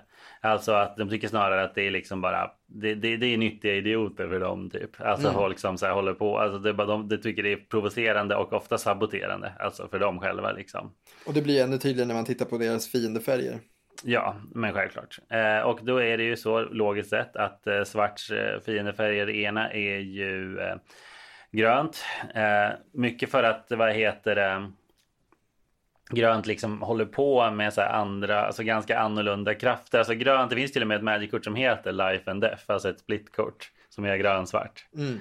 Eh, och det fångar in det ganska bra. Och det ser vi även i Golgari när de väl samarbetar så är det att de lyckas hitta någon slags symbios mellan liksom så här förmultning, liv och död och liksom Ja. att växa mer liv ur det, det liksom döda och så vidare. Eh, för grejen är ju där att eh, grönt liksom står i någon mån för liksom liv och så här. Så det kom vi in på lite när vi pratade om så här, resurrection spells också liksom. Eller så reanimate spells också. Eh, så det är lite det är som de krockar lite grann. Att växa versus vissna liksom. Liv versus död och sådär. Eh, och en annan sak som de har eh, problem med är ju att grönt är ju liksom djurfärgen eller vad man ska säga. Alltså av alla sorter, alltså bästa liksom fåglar, eh, blommor och bin och allt det här. Och det är ju saker som svart har ganska svårt att manipulera och kontrollera. Alltså eftersom att de styrs liksom av instinkt liksom. Eh, Och evolution är väl också en kraft kanske som Ja, inte kan göra något åt. så därför har de lite, tycker de kanske inte om det hela. Eh, Och även då så har vi förstås det att grönt är lite hippies. Alltså de tror ju på kollektiv och community. På ett mer liksom brutalt sätt än vitt kanske ibland. Men ändå. Alltså det är ju väldigt mycket grupp. Men grönt tror ju, de är lite lika på ett sätt i att båda tror jag tror liksom på det här med att eh, den starke, starkes överlevnadsgrejen. Men det får så otroligt olika resultat i deras filosofi. Mm. Alltså i gröns fall handlar det väldigt mycket om att typ acceptera din plats i ordningen. Alltså Japp. om du eh, ja, väldigt mycket så moraliska spärrar och gränser skulle jag säga, konstigt Mm. nog. Men, men att det finns liksom ett regelverk. Mm. Naturen har, har sin ordning och den ska respekteras. Japp. Och inom ramarna för den så får du göra saker, men, men du får liksom inte skita i det. Medan svart är ju tvärtom. Svart ser ju allting som manipulerbart. Eh, och där blir det en jättekrock mellan dem. Alltså att grönt är liksom ultratraditionalister och svart är liksom pissar på allt som har med regler och alltså så här, ja. de enda begränsningarna som finns det är de som andras makt. Eh, du, ja, du kan inte göra det här för att någon annan mäktigare person kommer stoppa dig. Det skulle kunna vara ett hinder för dem. Men inte liksom för att det är fel eller Nej. för att det är eh, att du inte får göra så. Utan för att du inte kan göra så. Nej men exakt. Medan i gröns fall är det mer typ så här, nej du får inte hugga ner det här trädet. Det är moraliskt, ob, alltså objektivt fel. Ja, jo men precis, så är det väl ett bra sätt att beskriva det. På så vis, i vissa sådana scenarion tror jag att många skulle ta svart sida, alltså rent, alltså rent ideologiskt, alltså tänker som personer i, i någon slags filosofiskt dilemma idag också. För att svart, när den är som bäst, är väl någon som dock eh, hejar på, alltså så här, om, om du är smart nog att klättra från din dåliga plats liksom, alltså de älskar nog folk som gör rags to riches grejer liksom. Eller de har inget emot det i alla fall, tvärtom. Alltså det är bara så här, men då var du smartare och mäktigare än de andra eftersom att annars hade du inte vunnit liksom. Nej men svart är ju per definition någon som så här, även om det finns liksom objektivt moraliskt felaktiga sätt att bli rik på och du ändå Ja. har valt att göra dem för att du kunde göra det så skulle ju svart syn på det vara liksom good for you. Japp. Medan många andra skulle vara typ så här, vad fan har du gjort? Och det tror jag inte många skulle hålla med svart om. Nej, förvisso inte. Nej, absolut. Det, det beror ju på hur man tar sig framåt. Absolut. Men jag menar, grönt har väl kanske mer, som du säger, alltså det är mer spärrar och regler. Medan svart är lite så här, alltså tycker väl att det är asballt om någon som liksom hade usla förutsättningar liksom lyckades mot alla odds liksom. Eh, Ja, visst. Eh, Så är det ju. Eh, sen är det ju som så att ehm, eh, vi har också vitt såklart och det är det självklara. Alltså svart och vitt, det säger sig själv att de är fiendefärger. Det har vi sett ända sedan Alpha liksom. Black Knight, White Knight liksom. Mm. Och i massa andra berättelser. Too many stories to count liksom. Eh, och eh, det är ju för att svart har väldigt svårt för vitt eftersom att de delvis är så kollektivistiska liksom. Eh, att de bryr sig, att de tror sig liksom veta hur, vad som är bäst för alla. Eh, men också att de i det även då gullar med de svaga eller vad man ska säga. Alltså att vitt eh, vill hjälpa, hjälpa alla liksom och, och, och sådär. Alla ska få en chans att resa på sig och få bli mätt eh, och varm om natten liksom. Ja, och att vitt hittar ju liksom en styrka i att när väldigt många svaga krokar arm och ställer sig tillsammans. Och svart tycker att det är helt onödigt. För att det är liksom, vad är slutpoängen med det? De ser liksom inte någon eh, objektiv mening i, den, i det. Det är väl det som är grejen. Alltså de säger, ja så kan man göra. Men, men vad är poängen? Om vi bara hade skitit i det så hade, hade det här spelat ut sig som det gör nu ändå. jo. Ni försöker liksom bara skjuta upp det oundvikliga. Som är att alla kommer eh, ta sitt eget parti. Ja men exakt, alltså svart nu är verkligen den som är så här. Visst du kan, alltså de säger så här vitt, för, för svart är väl vitt den som kanske, det är inte hur smakfullt exempel det här är, men svart ser väl på vitt någon som ger typ pengar till en eh, utsatt person och sen går den direkt och köper knark och dör dagen efter för de pengarna. Och så tänker väl svart att det alltid kommer bli när man försöker hjälpa folk. Eller så här tror jag, svart har inget emot att du väljer att göra det. De Nej. bryr sig inte. Om du vill ta dina pengar och gå och hjälpa dem att göra det, fine. Svarts problem uppstår ju när vitt säger, jag vill att du tar dina pengar Jo, och ger till den här svaga. Och det är där svart verkligen vrider sig i magen. För svart säger så, är här, nog. om du tar dina liksom hard earned money, eller easily earned money, och väljer att hjälpa svaga, alltså gör det då. Visst, det är mer att det förbryllar dem snarare än Ja, kanske eller- att det är ett hot. Ja, de tycker att det är korkat liksom. Ja. Eller de tänker liksom, det här det är bättre att de får, får försöka stå upp för sig själva på något sätt. Ja, men visst. De har ju liksom redan sig själva som vän. Ja, exakt. Så, så varför ska du behöva kliva fram? Exakt, eller om det här, är, det här är någon som är så tydligt svag liksom, för annars hade de inte hamnat i den här situationen. Så liksom, det kommer gå åt skogen oavsett menar jag. Men jag tänker liksom att svarts problem med vitt är att vitt säger alla som har måste vara med och ge till de svaga. Jo, och det är jo. där svart verkligen får problem. Alltså det det får absolut. absolut. svart har ju inget emot att man hjälper varandra. Det finns ju massa exempel på svarta karaktärer som är med och hjälper till för en greater jo. cause. Liksom. Jo, visst, visst. Men då är det ju frivilligt. Ja, sant. Eh, och- och för att de kommer få ut något av det sen liksom. Men de skulle inte göra det för att det finns liksom en lag som säger du måste göra det. Nej. Eller en moral liksom. Och det är väl också det med grejen med vitt, är att vitt är ju absolut en eh, färg som har mest regler eh, och ofta baserade på just moral liksom. Eh, och så. Däremot så har ju, eh, är ju vitt också, precis som svart, ganska bra på att manipulera folk, men på ett helt olika sätt. Eh, vitt är ju mer de som så här, rally the masses, liksom, eller samlande under religiösa symboler. Eller liksom någon slags så här, statens eller liksom symbol eller vad det skulle kunna vara. Och det kan ju svart ändå respektera, alltså så här att det finns en skicklighet i det som man kan lära av liksom.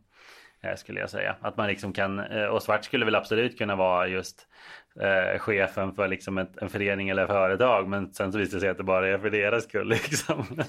Men det som jag tänker händer när man blandar svart och vitt är väl väldigt ofta att du får ett kollektiv men det kollektivet har en väldigt tydlig gräns. Alla får inte vara med i det kollektivet. Det Jo. man säger då är att vi ska skaffa makt. Den här gruppen eller liksom det här gänget eller den här, eh, det här folkslaget ska samla makt. Mm. På bekostnad av andra folkslag och, på beko- alltså, jo, så kan det nog och genom alla tillbudstående medel. Men att det liksom blir ett, ett, ett svart kollektiv snarare än att det blir ett, ett, ett liksom alla ska kunna dra nytta av det här. Så länge du ställer upp. Ett vits grej är ju mer om, om du ställer upp på våra moraliska regler så hjälper vi dig. Jo, jo, men så är det nog. Vitt kommer ju inte hjälpa en demon som ligger och lider. Om de vet att den demonen sen kommer gå och Nej, döda det folk. Utan vitt kommer ju bara hjälpa någon som de vet sen ställer upp på deras shit. Jo, så är det nog. Medan en svart person skulle i teorin kunna hjälpa då en demon om de fick tillbaka något för det. Oavsett om den demonen sen kommer använda sitt liv till att gå runt och slakta massa folk. Japp. För Ja. att det, det, det är inte dens problem. Den Nej. fick ut något av det och den fick hjälpa någon, vilket den kanske tyckte kändes bra. Ja. Vad fan vet han? Ja, nej så är det nog. Eh, men ja, vi ska försöka avrunda lite den här delen av det. Eh, och eh, någonting som eh, eh, vad heter det? Svart styrka kort och gott är ju förstås att de är beredda att just göra det som krävs för att nå framgång. Eh, och eh, då har de en edge liksom mot nästan alla andra färger. Eh, någonting som jag tyckte var roligt här är att så, jag har valt att tolka någonting jag läste här som att svart också kan hamna i trubbel för att de kanske tar för mycket risker eller liksom tar för farliga risker liksom för att få det som, för de kanske är en otroligt mycket potential i något de gör. Alltså det finns liksom en möjlighet att hoppa långt fram på brädet eller vad man ska säga eller upp i näringskedjan eller karriären men att det kanske är för, du vet, ja, de kanske tar en större tugga än vad de kan svälja eller vad brukar man Oh ja. säga. Eh, De är giriga så in i helvete. Japp, jag tror till och med jag använder en sån meme som jag tänker på ibland som det verkligen stämmer in på svart och det är ju heter det? The risk I took was calculated but damn am I bad at math. och det tycker jag också. på så vis så blir svarts värsta fiende sig själv också. Ja, ja, herregud. Nej, men det är väl det som ofta sådana här eh, stora liksom eh, maktgalningar faller på till slut. Att de, alltså att de inte vet när de ska konsolidera sina gains och, och luta sig tillbaka. Utan det fortsätter ju bara tills det Exakt. liksom blir ohållbart. Eh, Japp, eller man kan också säga svart, alla så, äh, svarta karaktärer har nog imposter syndrom för att de faktiskt är imposters. Man kommer bli avslöjade kanske snart. ja, visst. Nej, men det, det är ju verkligen så. Eh, Japp. Hur som helst, eh, som vi sa i början, eller början och början, för ett tag sedan. Eh, vi tänkte försöka gå över då till att prata om, det här, det här är faktiskt ett spel då, Magic the Gathering. 13 plus, fantasy trading card game. Eh, och eh, vi ska ju prata om det såklart. Eh, hur allt det här vi snackat om. Hur, tar det, hur visar det sig i själva spelet? Liksom? Och innan vi gör det så tänkte vi att det här är ett bra tillfälle att klippa in en lårsnutt. Hallå, Kristoffer här. Jag ska vara helt ärlig nu och säga jag har inte skrivit någon lårsnutt till det här avsnittet. Men Sara, min fru, har skrivit och jag tycker att det är väldigt passande då att hon ska få läsa in den själv. Så jag tänker att vi hänger med Sara och så drar vi till Strixhaven tillsammans. Ah, Strixhaven. Allas vårt favoritsätt i Magic. Det har allt. Mystik, magi, intriger. Och för att inte tala om den saftiga fanteori som ni snart ska bli varse om, kära lyssnare. I förra avsnittet lärde vi känna Loxodonmagikern Quintorius från Lorehold College. Nu hoppar vi ombord en av Strixhavens skyttelbussar för att istället ta oss till det eleganta Silverquill College. Om Lorehold är skolan för historienördar så är Silverquill stället för dig som inte räds att bli lite mobbad på vägen mot framgång. Hit söker du dig om du fascineras av ordets kraft, såväl för att höja andra till skyarna som för att stampa ner dem i jorden. I Silverquills lunchrum ekar orden “You can't sit with us” konstant mellan väggarna. Och på den här skolan går då Killian Lou. Hans farsa råkar vara mästerpoeten och Silverquill-dekanen Ambrose Lou, en man som har krossat drömmarna för mången student som inte nått upp till hans höga förväntningar. Kanske tänker du att de här höga förväntningarna också sträcker sig till hans enda son och i så fall har du såklart helt rätt. Första gången vi möter Killian är i kvarsittningsträsket i Witherbloom College. Dit har han skickats av sin översittarfarsa efter att ha orsakat en förlust för Silverquills lag i Quid... Eh, jag menar såklart Mage Tower. Han är i full färd med att ilsket avfyra bläckattacker mot de stackars träden i träsket när Witherbloom-studenten Luna Love, jag menar Dina, dyker upp och skrämmer slag på honom. Det visar sig att Dina har hittat en förbjuden trollformel i någons gamla dagbok och försökt använda den för att återuppliva alla från sin hemby som dog i en sorts pest för flera år sedan. Problemet är att hennes försök har gått lite snett, så hon har istället råkat skapa ett gigantiskt livsfarligt träskmonster. Liksom du trodde att Killian hade en dålig dag. Hur som helst. De gillrar en fälla för monstret och medan de väntar på att den ska slå igen så får vi reda på att Killian också har förlorat någon stod honom nära, nämligen hans morsa som lämnade denna jord när han var väldigt liten. Det är en hjärtvärmande liten scen som efter en stund avbryts av det stora träskmonstret. De lyckas faktiskt besegra monstret, men Killian blir väldigt svårt skadad. Så Dina använder de sista resterna av den förbjudna magin för att rädda hans liv. Och när hon sen kollapsar av utmattning efter det här så räddar Killian henne i gengäld genom att bära henne hela vägen till Witherblooms sjukstuga trots att han har fruktansvärd diarré. Ja, det är canon. Nej, vi hinner inte prata om varför. Herregud, fokusera nu. Efter händelsen i träsket så fortsätter Killian att pressa sig själv och han kämpar en dag så hårt på en av sina lektioner i fonetik att han nästan förlorar sin röst. Killian är inte jättesugen på att få smiska av sin pappa här och han vill inte gärna sumpa sin framtid. Så han låter sig övertygas av en annan Silverquill-student vid namn Vanessa att bege sig till tavernan Bows End där det finns ett elixir som kan hela hans hals. På vägen dit så springer han in i Quintorius som berättar om en stum Silverquill-magiker han har läst om som en gång lyckades besegra en hel armé med hjälp av teckenspråksmagi. Foreshadowing någon? För alla er Dina-fantaster så kan jag meddela att vi nu får en till chans att träffa henne. För när Killian kommer fram till tavernan så visar hon sig nämligen vara där på dejt med en vampyrkille som enligt Dina själv är nästan trevlig.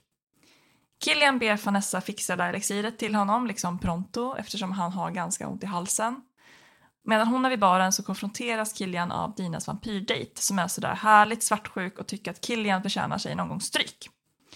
Killian är lagom road, men så snart han har druckit det här elixiret så blir hans hals genast silkeslen och han känner sig otroligt stark.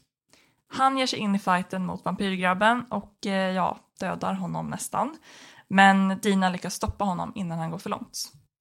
Killian konfronterar Vanessa och ifrågasätter vad hon egentligen stoppade i det där himla elixiret.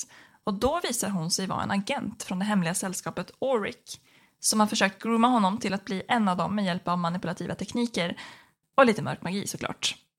Hon tar hans röst ifrån honom helt så han inte kan försvara sig. Men uppmärksamma lyssnare kanske drar sig till minnes de visa orden från en viss Loxodon. Ja, såklart. Killian lyckas besegra både Vanessa och hennes läbbiga armé med stora spindelliknande Mage Hunters genom att använda sig av teckenspråksmagi! Hans farsa blir så stolt att han tillåter honom att plugga både svart och vit magi från och med nu. Så pluttinuttigt. Men Killians historia tar inte slut här. För i sättet March of the Machine så ser vi honom, Dina och de andra studenterna från Strixhaven förena sina krafter för att stoppa Phyrexian-invasionen. Och även om varken Killian eller Dina får bli Planeswalkers här så får Killian i alla fall nästan bli Phyrexian. Men hans superhjältefarsa dyker upp i sista stund och gör en Gandalf. Fly you fools! Och precis som Gandalf så överlever han såklart. Sorry för spoilern. Sen dyker Liliana upp och det blir en gullig liten återförening mellan far, son och mor. Eh, vänta nu. Vadå mor? Jo, kära lyssnare. Nu har vi till slut kommit till allas vårt favoritinslag i På stacken. Förbluffande, fantasifulla fanteorier! Det finns nämligen en ganska poppis fanteori på Tumblr om att Liliana är Kilians morsa. Vill du ha bevis? Då har du kommit rätt. Musik, tack. Bevis nummer ett. Det är faktiskt kanon att Liliana studerade på Strixhaven när hon var ung. Det var till och med hennes gamla trollformel som Dina hittade.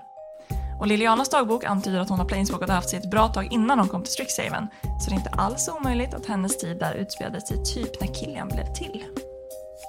Bevis nummer två.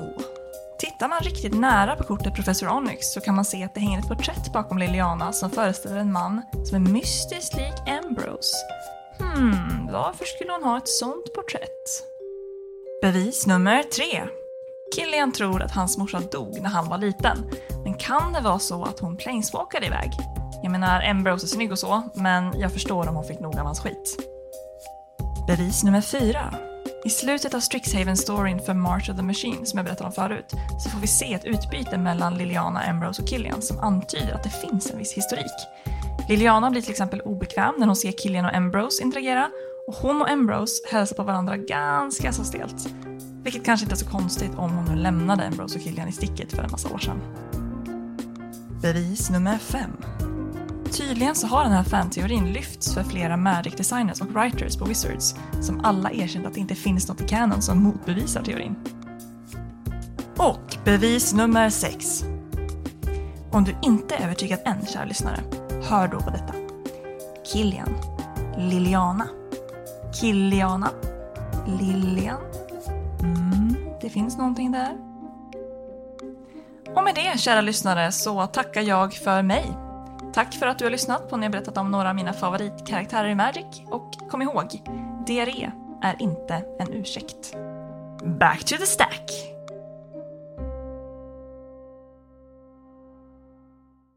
Tusen tack för den lilla berättelsen. Då är vi klokare och eh, har någonting att prata om vid EDH-borden framöver. Verkligen. Uh, så är det. Uh, yes, men precis. Vi ska prata lite om hur svart eh, tar sig form då i spelet, vilket ju ändå är så vi alla, nästan alla konsumerar det här mediet. och då är det ju så att inom svart så har vi ju demoner såklart, den mest ikoniska liksom svarta creaturen. De gör sina deals liksom med diverse, alltså man offrar en del av sig själv eller någon annan gör en deal med en demon och får Så någonting. väldigt länge var det ju också så att demoner i princip alltid hade någon form av drawback. Mm. Det skulle liksom symbolisera att om du som spelare hade frammanat en demon så var du också tvungen att pay the price av ett demonic eh, contract. Japp, det är till och med, jag hörde en rolig liten trivia att det är förvånansvärt sällan på Magic-kort, jag vet inte om du tänkt på det, men som flavortexterna eh, refererar till dig, alltså till spelaren. Eh, Jag vet inte om du tänkt på det, men det är ju Mm. väldigt sällan. Eh, och förklarliga skäl, det är lite weird liksom. Eh, men eh, på den mest klassiska svarta demonen, alltså den första Lord of the Pit. eh, På en av reprintsen eh, så har den flavortexten My summoning begins your death planeswalker. Lord of the Pit har ju en väldigt hög kostnad som ska betalas och gör du inte det så tappas han och skjuter dig på sju. Japp. Det gör ont. Yes, och eh, exakt, på den tiden så var det värt det för en 7-7 av Flying Trample för bara 7 mana. Ja, herregud. Man ska betala sju varje runda också, eller hur? Nej, är det då. så? Nej. då. det ska för en creature. Ja, Okej, ja, men då så. Det är ju fan easy pay. Ja, det här kan man ju spela. Hur som helst. Eh, demoner såklart. Och sen vidare. Eh, de mest självklara som måste nämnas är ju zombies och vampyrer förstås. Ja, zombies visst. har nämnts i det här att, ja, du vet. De, Spöken. Ja, spirits, ja exakt. Wraiths. Eh, andra har vi ju gorgoner. Liches är en klassiker också. Visst, också en sån grej som är typ en förbannade, liksom förhäxade föremål och så här deals liksom det Ja. där. Det finns även kortet Lich liksom är väl lite en sån grej. Du blir odödlig, but at what cost liksom. Uh, Spectres och Shades såklart. Givetvis. Annars, vad heter det? Eh, har vi ju skeletons, men också typ lite så här creepy crawlers, alltså typ spiders, rats, slugs. De är också svarta ofta och det är väl Hur bara av rent estetiska skäl helt ärligt. Alltså en råtta är ju inte mer egoistisk än något annat tvärtom. De är Men ju- sjukdomsgrejen. men de bär sjukdomar, sure. I guess. I guess. Eh, och sådär. Råttor. Alltså eh, precis, en, en eh, biolog skulle nog kunna argumentera för att en, en, en zoolog skulle nog kunna argumentera för att råttor är mer gröna och vita Ja, 100 i procent. sitt beteende. Sen har vi fairies också. De håller på med tricksters liksom. De håller på och, och busar och ljuger och har sig. Ja. Viskar i öronen och tar dina drömmar när du sover. Diska ett kort och sådär. Eh, men ja, lite om dem. eh, de känner vi till allihop, eller hur? Eh, men också ibland har de ju, för att inte tala om skräck, så har de ju både nightmares och horrors, vilket är ju verkligen så väldigt straight up vad det är handlar om. Liksom. Jajamän. De har också lite sådana classes, Ja. eh, vilket ju har blivit mer och mer av en grej i Magic då, eh, mer distinkt. Eller distinkt. Eh, och det, några av deras klassiker då är ju Assassins är rolig, det är Förstås. super, supersvart. Rogues, Pirates i någon mån och Ninjor. Eh, Minions är en, rolig. Mm. Eh, numera också Warlocks, ofta japp, svarta, kan japp. vara andra färger också. Ja. Ja, kom förvånansvärt sent den creature-typen. Mercenaries, Knights som du sa. Eh, ja, Ja, Knights och Mercenaries det går väl lite ihop i den mån att riddare kan ju vara liksom, ja, de kan ju vara Bounty Hunters i någon mån, men ändå liksom ha den riddarestetiken eller liksom leva enligt någon riddarkod. Men Ja, eller att de det bara råkar pengar. stå under en svart lord och gör Ja, den så- lordens bidding. Så kan det absolut vara, det har du rätt i. Och det gäller ju Minions också. Men riddare i regel är ju vita får man väl ändå säga. Ja, det självklart. är något, De det är har i gått fel när Det- riddarna blir svart. Ja, De ja, andra riddarna gillar ju inte det jättemycket tror jag. Nej, eh, men exakt. Och många av de där kan man ju prata mer om. Är det någon som du vill lämna som du tycker extra mycket om eller så? Men det är kanske... Ninjor. Ninjor är roliga. Såklart. Men, men de känns ju mer... Eh, alltså de har ju ofta varit väldigt blåsvarta liksom. Japp. Eh, och så är det ju ofta med de här creature typesen, de passar in i flera olika. Ehm, men, men det är ju väldigt, de har ju håller mycket svart för sig med så här mörkergrejen och de passar bra in där. Ja, och de jobbar ju för pengar liksom ofta. De tar ju uppdrag. Precis Och som de dödar. Ja, exakt. Väldigt svart. Precis som Assassins liksom. Mm. Så är det ju. Eh, och verkligen, verkligen. Just att, eh, för det, det blir ju det. Alltså Assassins fångar väl in det så bra för liksom, och Mercenaries också. Det är så här, det är moraliskt fel att döda någon, men här är de som är beredda att betala mig för att göra det. Ingen annan gör det. Den här personen skulle tänkt bättre innan de fick en bounty på sitt huvud ändå liksom. De har ju obviously, du vet, jag bryr mig inte vad de har gjort för fel, men något fel är det ju. Ja, ja. ja, visst. Ja, ja. Men Mm. kanske också snabbt nämna en annan som egentligen inte tillhör dem. Jag tycker svart har ju också några av de coolaste drakarna. Får man väl säga. Ja, en jävla fina drakar. Bara typ Zombie Dragon är ascool och ja, det finns många. ja, det är sant. Det finns ju drakar i alla färger i Magic nu. Black Eh, Dragon är fin. Ja, visst, Blade Wing the Risen såklart som jag har som commander Ja. fortfarande. Jävla fin. Skelettdrakar, det måste man gilla. Jag såg någon som la upp i någon sån eh, stor Facebookgrupp för Magic, eh, folk som rippar lådor, en obehaglig grupp. Eh, där var det någon som hade öppnat en eh, foilad Bladewing i en sån, eh, vilket sätt den nu kommer ifrån. Vet ju- Scorch, ja. Ja, någon hade rippat en Scourge-låda och fått en foilad Bladewing. Nice. Var väldigt nöjd. Det är väl typ ett av de få dyra korten du kan få tror jag. Den är inte, den är, den har, den är inte överdrivet dyr, fast den är dyr. Är den absolut. helt ny, färsk så är den nog rätt Den är dyr. en 500 i alla fall. Ja, coolt. Ja, ja gött. gött. Ja, det är väl Stifle foil man vill ha där antar jag. Säkert, gud vet. Inte ett svart kort, så det hör inte hit. Det är sant, förlåt. Ehm, ja, men det, det är svarts olika creature types.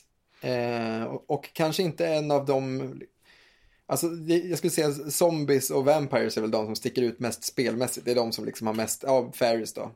Eh, har mest liksom impact. Och den som är svartast av dem är ju, är ju definitivt zombies. Det får ju Ja. ofta vara monosvart. Ja, ja. Medan eh, vampyrer och, och fairies ofta blandas ut med någon annan färg. Japp. Ja, vad kan svart göra i spelet då? Förutom då alla de här creature typesen. Ja. Eh, svart har ju några abilities som verkligen är kopplat till dem. Och som alltid i Magic så kan de andra färgerna i någon mån göra det här. Men svart är definitivt bäst på det, det vågar jag säga. I vissa fall så kan de inte det alls dock. Alltså jag tror det finns som när det bara, alltså när det bara är svart. Vi kommer till det. Ja, jag tror det. Ah, mm. Döda creatures och planeswalkers. Alltså literally bara destroya. Det är ju svart definitivt liksom. De har billigast och mest effektiva sätt att göra det på.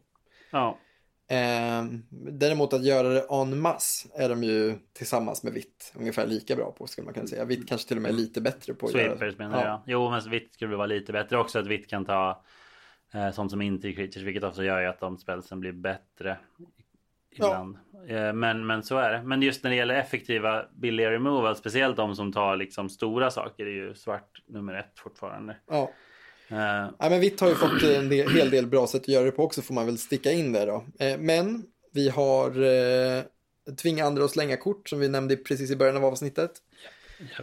Väldigt svart effekt. Eh, dra kort at a price är ju en väldigt svart grej. Alltså svart har alltid varit bra på att dra kort. Ända sedan Necropotens kom så har ju de haft några av de bästa card draw spelsen.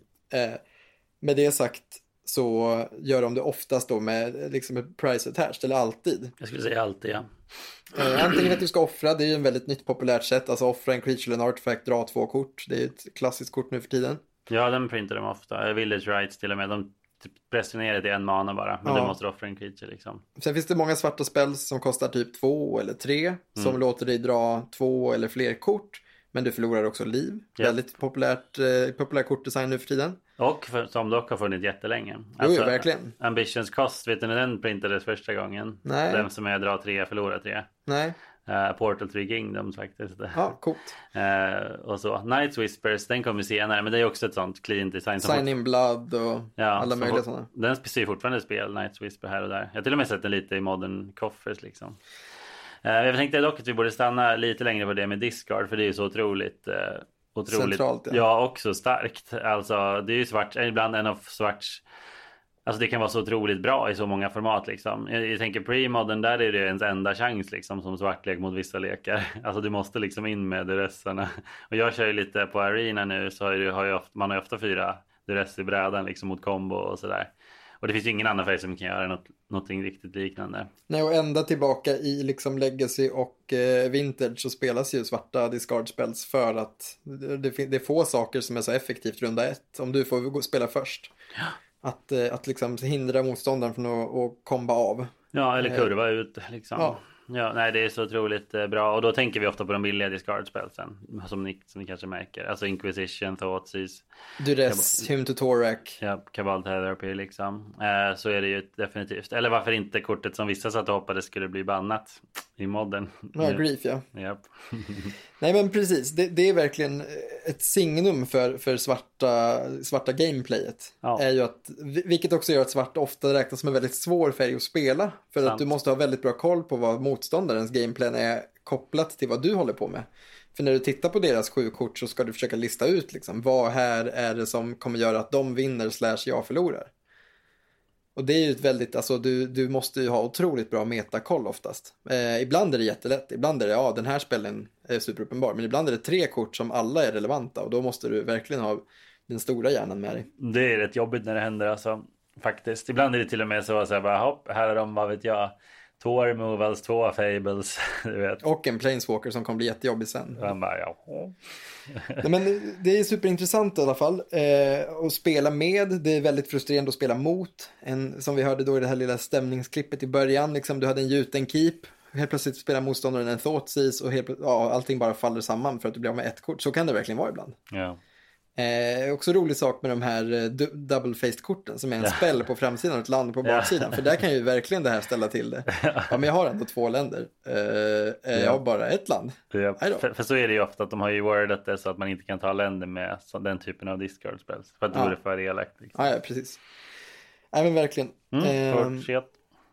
Svart är väldigt bra på att ta tillbaka varelser från graven både till handen och in i spel. Ja. Eh, väldigt kostnadseffektivt får de göra den grejen. Eh, Ja. Det finns flera andra färger som kan göra det men aldrig lika billigt som svart. Nej, det har vi varit inne lite på. Jag tycker svart är nog ganska unika också i det här att ta upp allt. Alltså så här mass reanimation. Liksom, Det finns ju lite sådana. Ja, just det. Ja, det finns vitt för att hålla på med sånt men sällan med creatures. Ja, eller precis. Sällan med creatures. Om det är creatures så är det bara små creatures. Mm. Det är någonting som de har försökt göra ett vitt grej kan vara. Här, det kanske du nämnde förut, men att ta upp typ power two or less och så. Så kan det verkligen vara. Det, det, men inte liksom unconditionally bara ta upp på det sättet som svart får göra. Inte hela graven sådär liksom.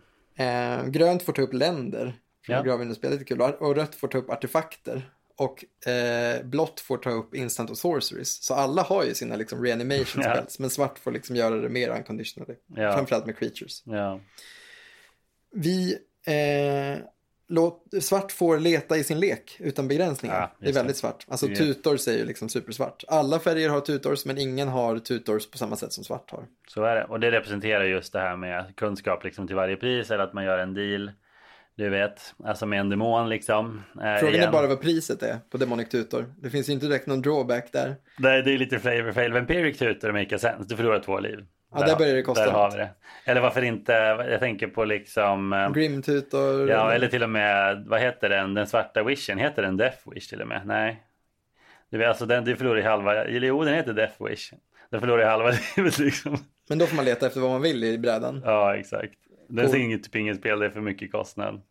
Eh, och sen, eh, men precis, Demonic, eh, Demonic Tutor är den mest klassiska och den kommer väl redan i alla fall, eller? Ja, visst.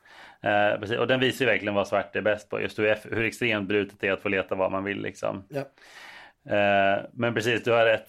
Flavortexten är bra där också. Beware the generosity of demons. Eh, från den nya printingen. Men Mm. då ironiskt nog. Man bara, I don't see the catch. There's no catch. finns ingen catch. Du betalade två hela mana. Den demonen har... Det är en demon som är skitdålig på att göra deals. Ja. Han bara, fan vad nöjd jag är. en Eh, generic och en svart mana till mig. Mums. Och spelaren bara, jag hade fan betalat tre till. Dumma jävla demon. Exakt. Du hade kunnat ta lite liv i alla fall. Alltså, kom igen. ja.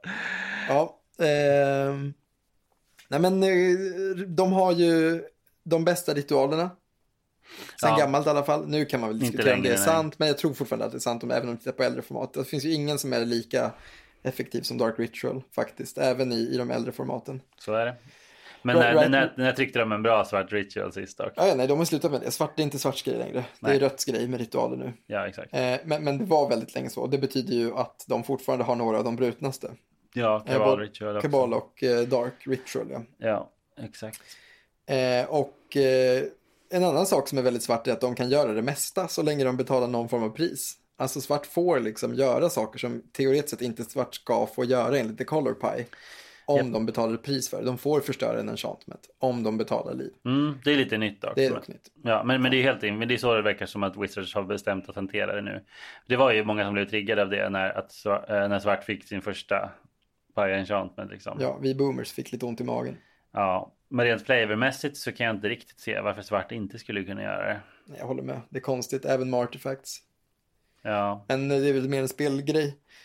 Rött förstår man ju varför de inte kan ta enchantments. För de Man bara vevar. inte. Det är bara brute force liksom. Man kan inte Ja. slå sönder en enchantment. Nej, de kan väl det på konstiga sätt. Men skitsamma. Ja, Eh, minus x minus x är väldigt svart. ja det med finns helt det typ ensam om. ingen färg som gör förutom Nej. Och Det var det här med sjukdomar ofta, eller liksom. Japp. Och i praktiken blir det ju ofta removal. Bara with extra steps. Det är också väldigt svart att draina liv. Jag vet inte någon annan färg som håller på med det. Nej, möjligtvis. Eh, Ibland så händer det väl just för att vitt också liksom. Fast de drainar inte på det sättet. Nej, verkligen inte. Och samma sak där att svart liksom orsakar lo- loss of life. Det är väldigt svart. Japp, och det är oftast inte någon skillnad. Men ibland är det det. Alltså att det är istället för damage. Ja, Eh, Jag minns jag blev riktigt triggad. För du sa det här med drain life att det är väldigt svart. Jag minns, jag vet inte om någon annan. Jag, jag stör mig på eh, kortet Clothis, God of Destiny. Vet du, den rödgröna guden. just det, för den har life loss. drainar ju då straight up. Alltså visst, den, den skjuter två och gainar två. Vilket är, ja jag fattar vad du menar. Rött skjuter två, sure. Grönt kan gaina två, sure. Men i praktiken blir det att den drainar två. Det, det ska inte grönrött göra. I don't Nej. like it. Okej, jag fattar. Nej, Det det, är det, är lite, det är lite Det är en stretch som fan alltså. Det är en jävla stretch. Folk borde vara mer sura på det. Noted. fan. Eh, de har några keywords som hör hemma hos dem. Ja. Men som de delar med andra förstås. Ja, Lifelink, Death Touch, Menace, Regenerate, Flying. Mm. Känns alla svarta. ja precis. Och Menace logiskt för att de, de bara djurar. Du vet, de tokar fram och skrämmer. Alltså Menace Mm. är ett sätt att skrämmas. Death Touch, de är giftiga och äckliga. Japp, exakt. De tvekar inte på liksom att, eh, att ta... Skära av halsen. Nej, exakt. Men, eller liksom att kleta in sin kniv med lite, lite poison. Ja, eller riktigt gammal fisksås. Exakt. Det är lite- Menace, de är fett med... Ja, exakt, exakt. En rolig sak med lifelink dock är att precis som vi nämnde med att resurrection är liksom vitt sätt att returna någon. Men lifelink, samma sak där, att när vitt gör lifelink, då är det någon slags någon slags typ magisk ljusenergi Healing. sköld healing liksom. Som Att, så här, reik, reiki healing. ja, någonting sånt att så här, när den här ståtliga ängen svingar sitt blade så får din- du en sköld eller något. I don't know. Det är Mm. lite weird. Medan svart är med att man verkligen suger energi nu i dem. Typ som med vampyrer gör liksom. Ja. De regenererar, det känns ju väldigt svart. Och de gör det fan mer än grönt nu för tiden skulle jag säga. Det, är väldigt, det har blivit en väldigt svart grej. Ja, det heter inte regenerate längre. Eller det finns inte kvar. väldigt sällan, nej. Nej. I standardset är det ju fan borta. Men då är det helt borta. Ja, Och flying förstås. Det är Ja, mycket har saker de. som flyger. ja precis. Det får fan alla göra nu för tiden dock. Jo, jo, men svart har nog tredje mest. Ja, näst mest eller tredje mest flying kanske. Mm. För de har liksom både bats och vampires. Och liksom, ehm, Insekter. ja, specters. Jo, det är sant. Ja, ja. Mm. Svart kan också ta bort counters. Det är inte så många andra som sysslar med det. Det är Nej, väldigt svart just det.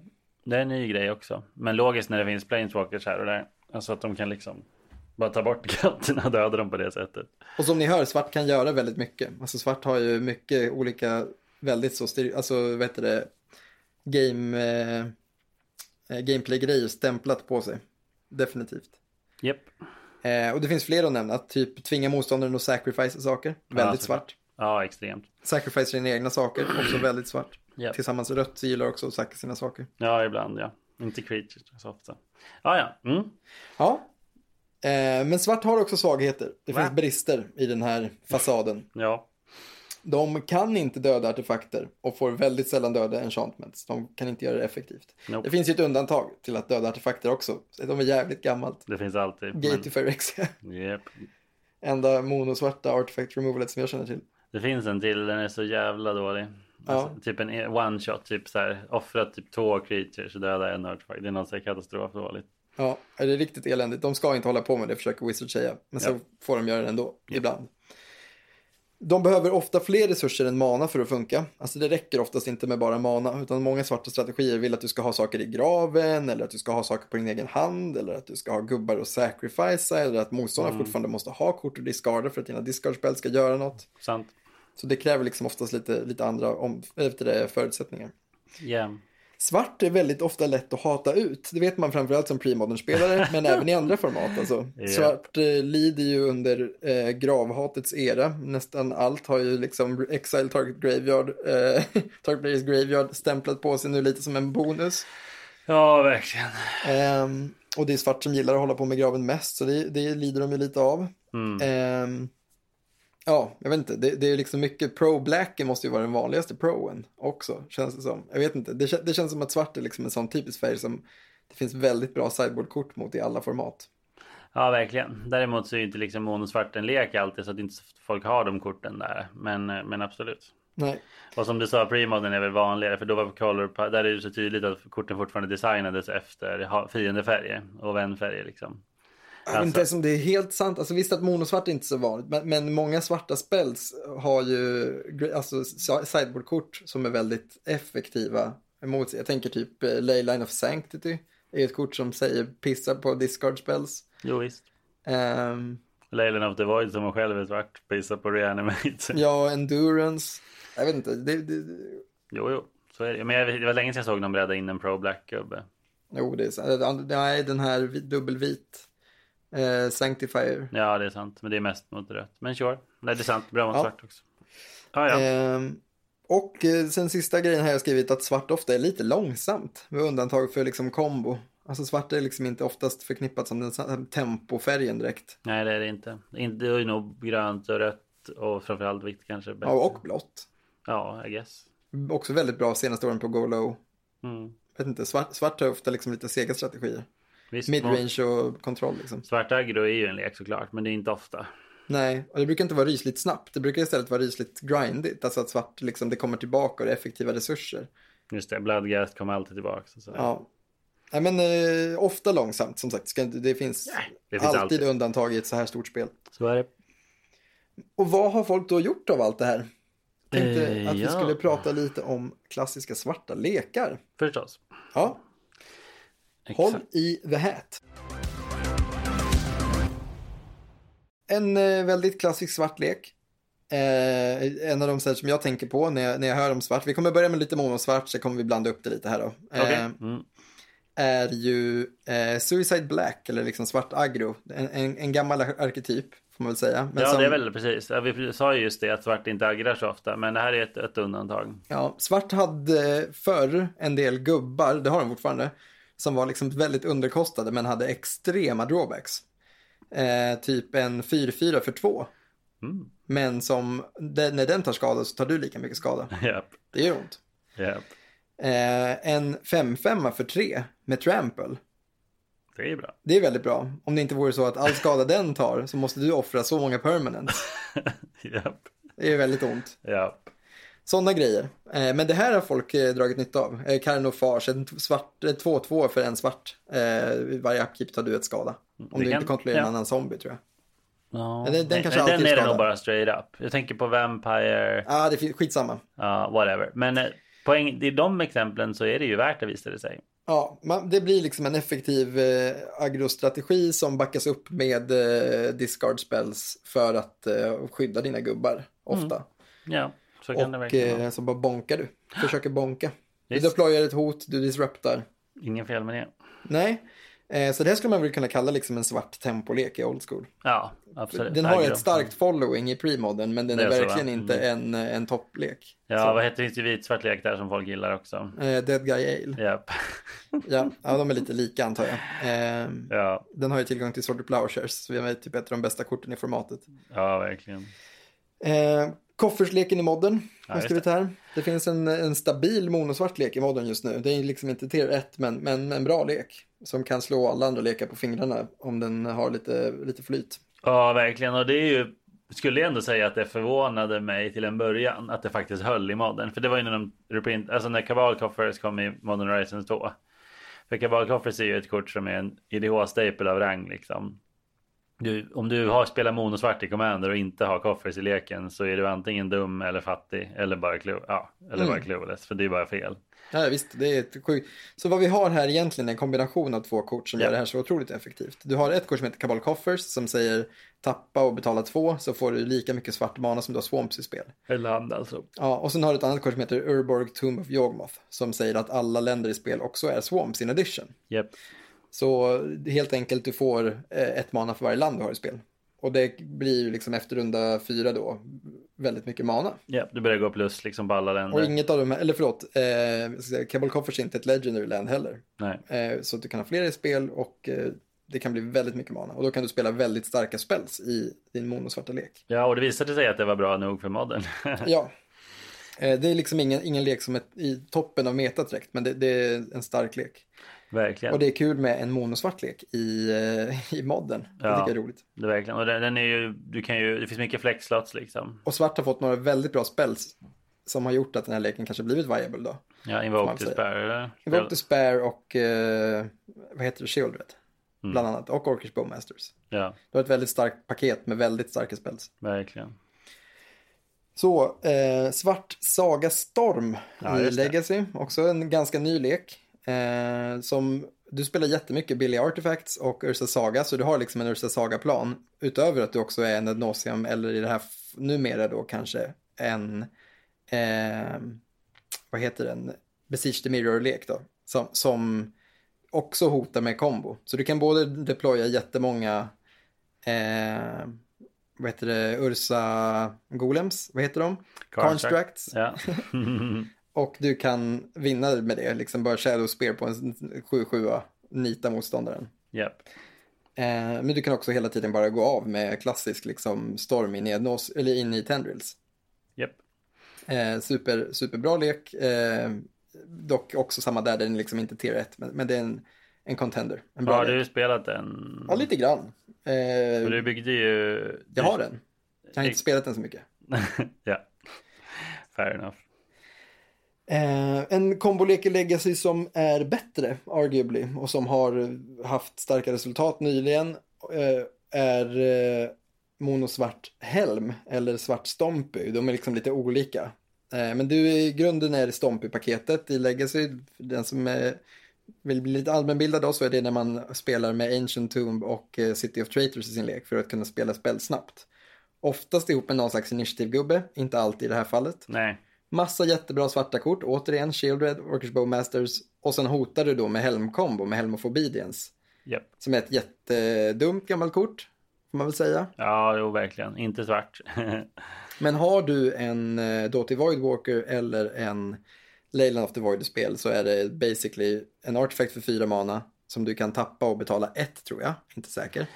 Eh, är det inte att den kostar ett och sen kostar tre att aktivera? Nej, nej, eh, du tänker på ett annat kort. Grindstone. Ja. Ja, just det. Du tänker på Hel ja, Helm, ja, ja, ja, Helm. Självklart. X kostar väl den att aktivera. Ja, vad som händer är i alla fall att du millar ut din motståndare.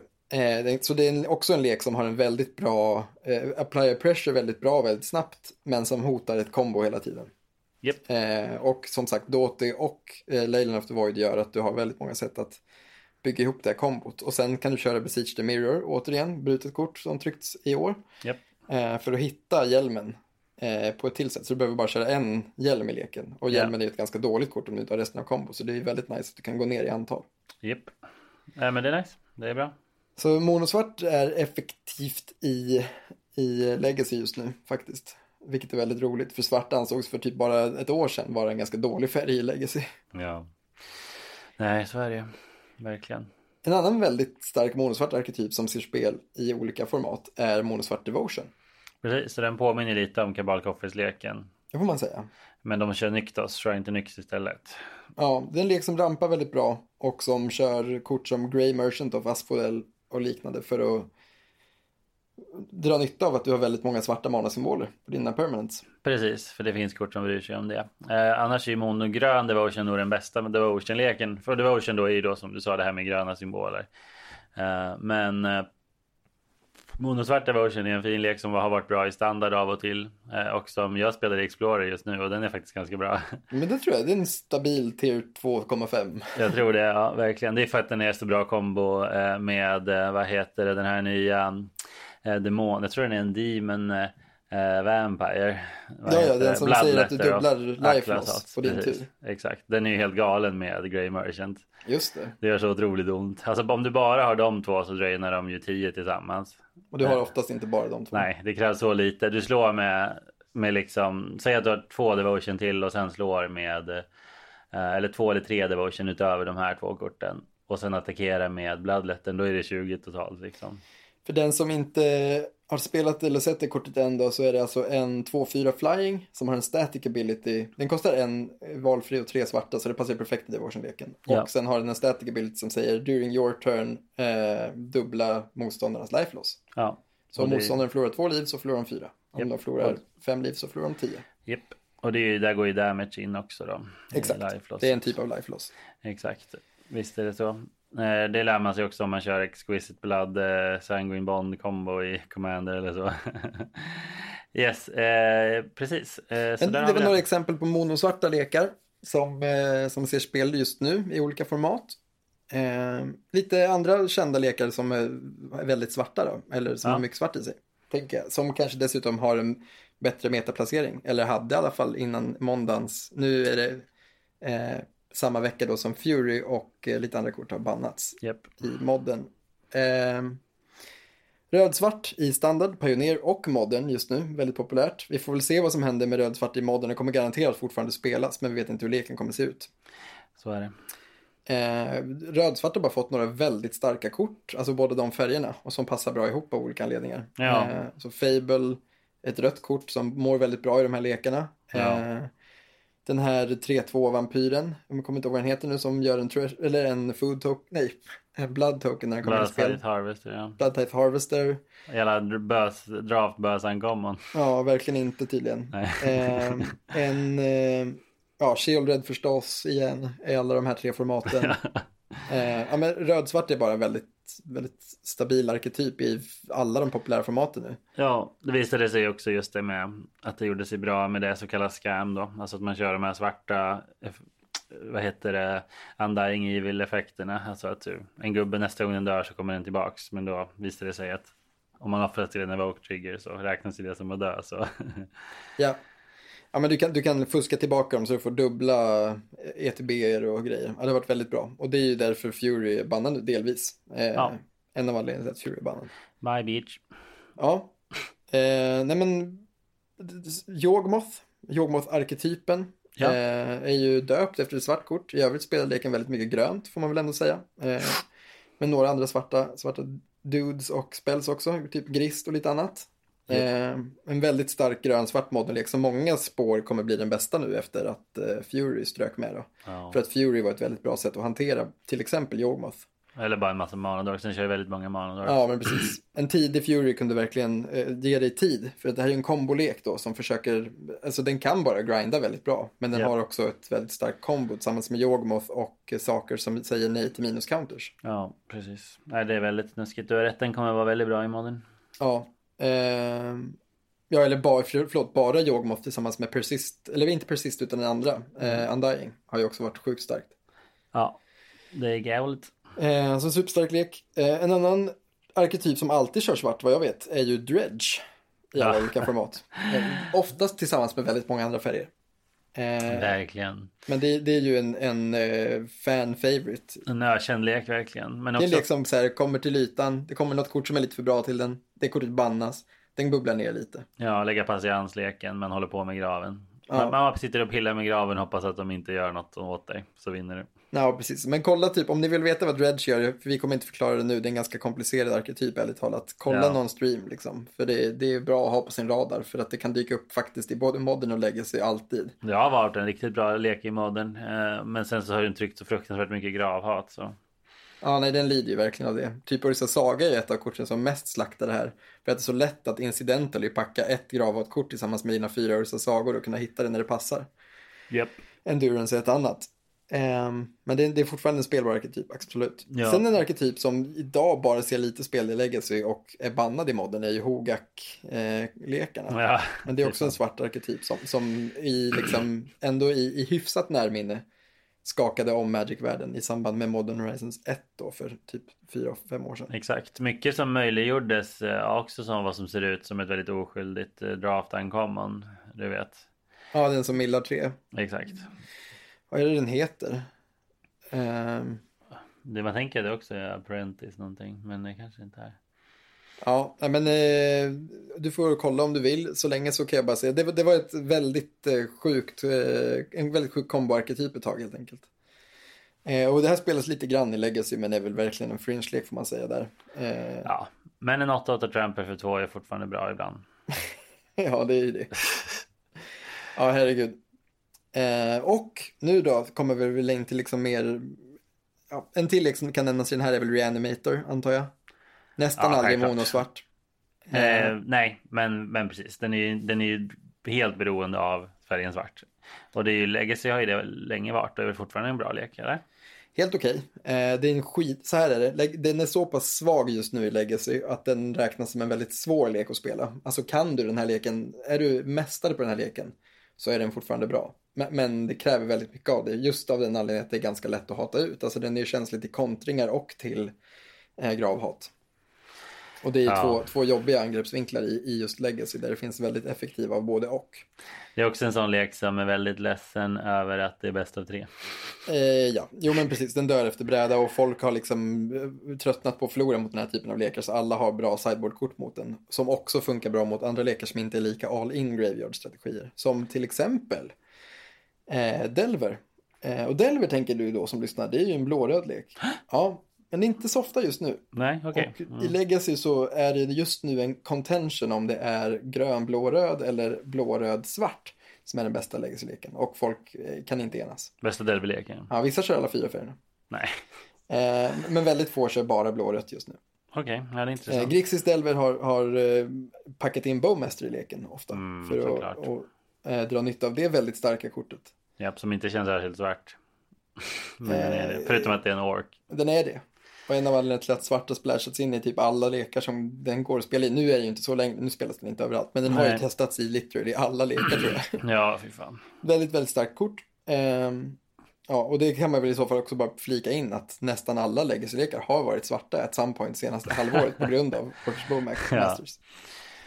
Och många av dem är fortfarande det. Alltså lekar som tidigare inte var det är nu det. Typ Ja. ja. Death and Taxes är en vit-svart lek just nu. För att Bowmasters passar så bra i den leken. Ja. Fortfarande ganska dålig misstänker jag. Death and Taxes? Ja. Ja, helt okej. Mm. Den är inte en av de sämsta lekarna. Men det var inte samma där. Man måste ha, det är en jättehög skill cap. Du måste spela Ja. den perfekt för att det brukar ju vara ett tecken på att leken inte är så bra. Om du Ja. måste liksom vara en mästare för att den ska kunna prestera. Um, det kan väl få värt att flyga in att reanimators testas ju i alla format alltid. Folk försöker alltid reanimera saker. Det är bara inte superbra just nu i format utanför legacy. Nej, nej exakt. Det, det kostar för mycket. Alltså, reanimate spelsen är för dyra manamässigt. ja, game designers vet hur de ska prissätta reanimation spelsen just nu. Japp.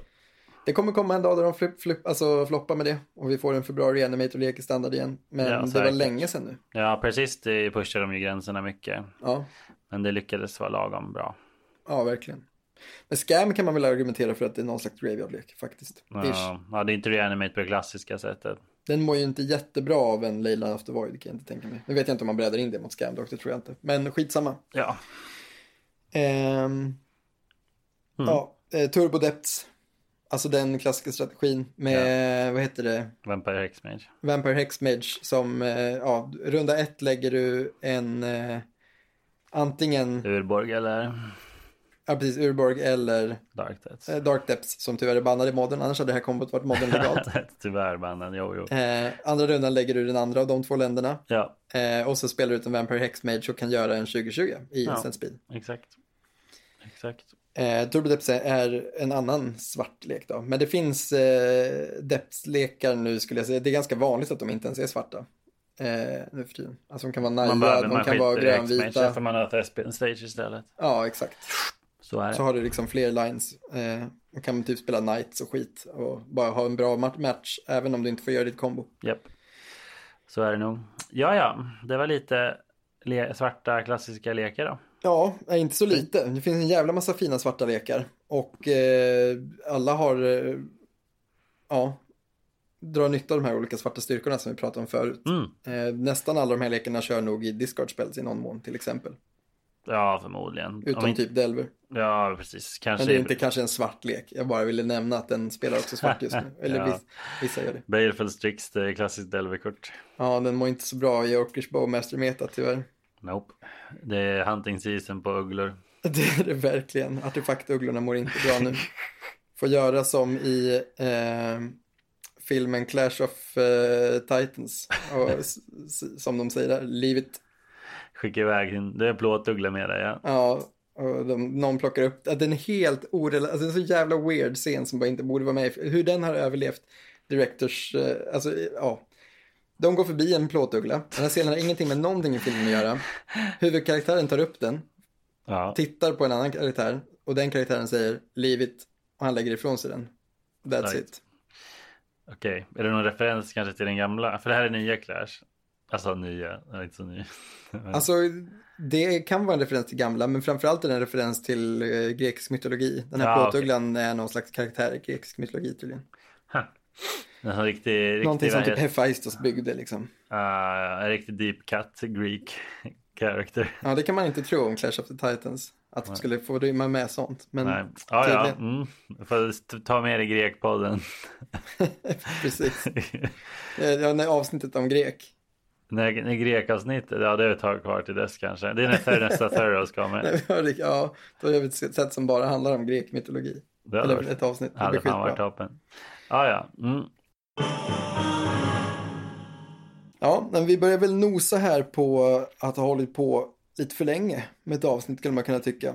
Så det börjar nog bli dags att, eh, att eh, tänka på refrängen. Ja, det låter bra det. Absolut. Man kan få för mycket av det goda. Det kan man absolut. Jag tänker vi avrundar lite med att bara lyfta våra egna svarta favoriter. Sure. Alltså någonting vi, vi gillar med, Ja. med svart, eh, gärna kort, tänker jag. Har du Ja. några som du vill kasta ut där? Ja, en riktig, du nämnde ju Gary, det är en klassiker. Alltså Grey Merchant. Jag, jag gillar ju Moon och Svart Devotion. Det kanske är partisk för att jag spelar den just nu. Men jag har alltid, jag vill säga att jag alltid gillat den. Och sen så har jag ju alltid gillat Zombie Tribal. Jag har haft min zombie-idé hur länge som helst. Liksom. Ehm, och eh, jag blir alltid glad när folk försöker deconstructed liksom. Ehm, det är ju, ja, men jag gillar ju både Goblins och Murfolks också. Så det är bara en hedlig tribal-lek liksom. Eh, och sen så um, måste man ju nämna Dark Confident. En jävla ultraklassiskt kort. En av de finaste, finast designade korten och som också fångar in allt svart handlar om. Eller hur? Alltså, utifrån, även utifrån flavormässigt som vi har nämnt. Ja, en 2 1 för 2 som säger att i början av din upkeep så ska du flippa liksom toppkortet på leken, lägga det i handen, men du måste också förlora liv som den kostar i mana. Ja, nej men exakt. Den gör ju allt det som svart handlar om. Alltså både gameplaymässigt och flavormässigt. Eh, och har ju en, den, de mest klockrena flavortexterna för att fånga in det. Eh, Du vet kanske. Greatness at any cost. Ja, visst. Det är ett jävligt fint kort. Eh, och jag skulle säga att det faktum att den inte spelas i modern nu är ju något som jag tror många liksom modern boomers framhåller som allt som är fel med modern. Det är ett. Det är klassiskt sorgligt. jävla modern kort som har kostat liksom 300-400 spänn Ja, ett ja, ja. för att det var ett av de bästa korten. Ja, det är tragiskt. Det är vad det är i alla fall. Ja, Ja, men jag har några svarta favoriter, absolut. Alltså Liliana of the Veil. Såklart. Alltså RIP dock, sålde precis min eh, klassiska boxtopper Liliana. Eh, det, det var dags då, hon låg inte i någon lek längre. Samlat damm länge. Just det, du hade den blingigaste versionen av Lily. Ja, eller en av de blingigaste. Det finns några jättekonstiga som är ännu blingigare. Men, ja, Finns absolut. det? Ja, kanske. Och eh, nej, men hon fick, eh, hon fick stryka med nu. Eh, det var någon som behövde den till sin kub och jag tänkte fan, passa på, jag köpt så jävla mycket Magic-kort så något måste man väl sälja. Ja, det är fair. Necropotens, alltså jag har inte spelat med den på jävligt länge. Men fan vilket kort det är alltså. Det är... Visste du att den kommer vara legal på Arena? I Väldigt- Historic? Nej, det kommer ett helt nytt format. Det här är ju en väldigt stor sak för att ta när vi borde avrunda. Men berätta, Men, eh, enlighten me, vad är det du säger? De eh, kommer introducera Arena svar på Vintage. Är restricted liksom? Ja, japp, japp. Coolt. Det kommer... eh, Alltså allt som de har lagt in på arena kommer vara legalt, men vissa grejer kommer vara restricted. Japp, exakt. Eh, och Så de, brainstorm och bolt och allt. Japp, japp. Eh, och de kommer vara extremt... Eh, de börjar väldigt ballsy. För att as of now så är ju Dark Ritual och Necropotence inte ens restricted. så det kommer bli riktigt sjukt. Eh, Ja, det, det kommer snart också, bara om typ två veckor. Det känns jävligt gjutet. Om någon anledning så har de tryckt in alla de där korten. Japp, ja, men verkligen. Det är bara det är bra. Och Oko är inte heller restricted, så det kommer bli insane. Men även alla sådana här konstiga arenakort antar jag. Tyvärr ja, eh, vilket många tycker är tråkigt. Alltså det känns att det bara så, ja ja, men många menar också att de kommer bli utkonkurrerade ändå av de bra brutna korten. Vi får väl se. Ja. Spännande. Däremot inga rebalances. Så alla kort är som de ska vara liksom. Ja, sick. Eh, ja. Mm, det, Det ska bli spännande att se. Ja, exakt. Eh, Jag har faktiskt inte så mycket koll på vilka kort de har lagt in som är bannade, så det man får väl börja kika lite antar jag. Eh, Blood Moon i alla fall, så det gillar jag. Ja, spännande. Eh, ja, nej, men uh, Hypnotic Spectre är annat, ett annat kort Ja. som har liksom eh, jagat mig genom hela min Magic-karriär. Alltså min brorsa hade den när vi var som absolut färskast. Och eh, ja, på tal om Dark Ritual finns det något mysigare än att Dark Ritual in en hyppe och bara hoppas att han ska få slåss några gånger. Fortfarande viable i kub. Ja, jo. Men i premodern, helt okej. En av anledningarna att spela monosvart i premodern skulle man kunna påstå. Japp. Och sist men verkligen inte minst, ett kort som jag har spelat mycket i både modden och numera, ja mycket ska jag inte säga för jag har inte spelat Legacy så länge, men mycket under min korta Legacy-karriär då, är Ad Nauseam. Japp. Ett svart kort från, eh, vad heter det, Shards of Alara, som verkligen har skakat om Magic-världen många gånger. Numera ifrågasatt då i Legacy-lekarna, det spelas inte alltid längre för att Besiege eh, the Mirror är så jävla bra. Ja, och en mana mindre så. Men den har och är fortfarande en, eh, en motor i en kombolek i modden. Eh, Nauseam-leken i modden finns ju fortfarande trots att den leken tog lite stryk när de bannade eh, Mankey Semian Spirit Guide. Mm. Mm. Men, men eh, det ska ses, det här är en jätte all-in kombolek i modden som kör liksom eh, alla gratis kontringar du kan hitta för att du försöker, för att skydda ditt kombo och eh, eh, försöker vinna ofta med ett kort som heter Lightning Storm eller med Thassa's Oracle.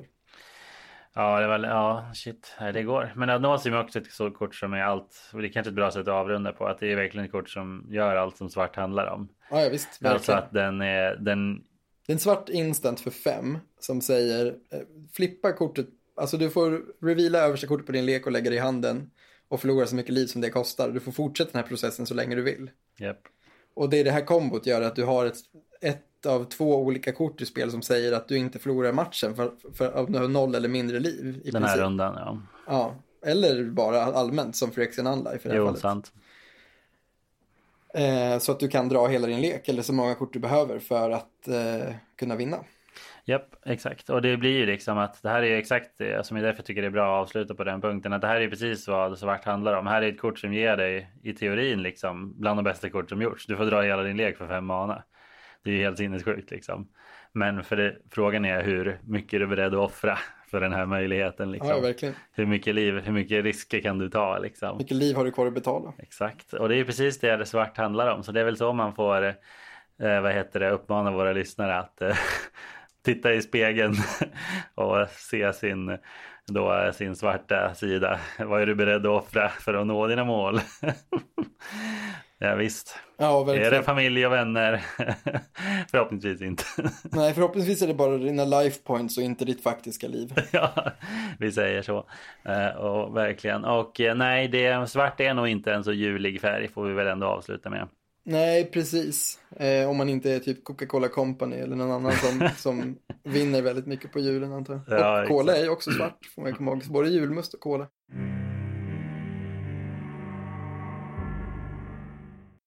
Ja, ja, men då så. eh, Superkul att ni har lyssnat på det här avsnittet. Vi påminner återigen då om våran Patreon. Vi märker ju på våran egen motivation att det verkligen gör skillnad för oss. Alltså det är kul att veta att det finns några inbitna stackare där ute som vi, vi gör det här för. Japp. Eh, och ju fler som väljer att ansluta sig, desto mer kommer vi ju bli motiverade liksom och känna att det här är värt att, eh, att lägga mycket tid och energi på. Vi tycker att det är skitkul och vi hoppas att det märks också. Yeah. Ehm, så ett superstort tack till er som redan har tagit steget och ni som tvekar, man kan faktiskt gå in och bli gratismedlem på Patreon också. Det kan vara bra att känna till. Så kan man bara vara där och lurka lite medan man funderar på om det där är något för en. Då får man också tillgång till, till lite mer content då, eh, om man vill. Eh, så det, det är väl en rekommendation om man känner sig tveksam för tillfället, men att det kan vara något kanske för framtiden. Mm, 100 procent. Och vi ska också passa på att tacka förstås Kristoffer, vårt kära tredje jul, som, som klipper och eh, donar och som dessutom just nu håller på och lägger upp en väldigt rolig julkalender med flavortext som man kan hänga med i på YouTube, Ja. Facebook eller Instagram. Eh, skitkul. Vi ska också tacka Nick och Ember Artworks som har hjälpt oss med vårt grafiska material eh, till podden. Så ett, eh, ett stort tack till er och med de orden så klipper vi ut till Marcus Östlunds snygga outro. Tusen tack för att ni har lyssnat. Mm, tack, tack.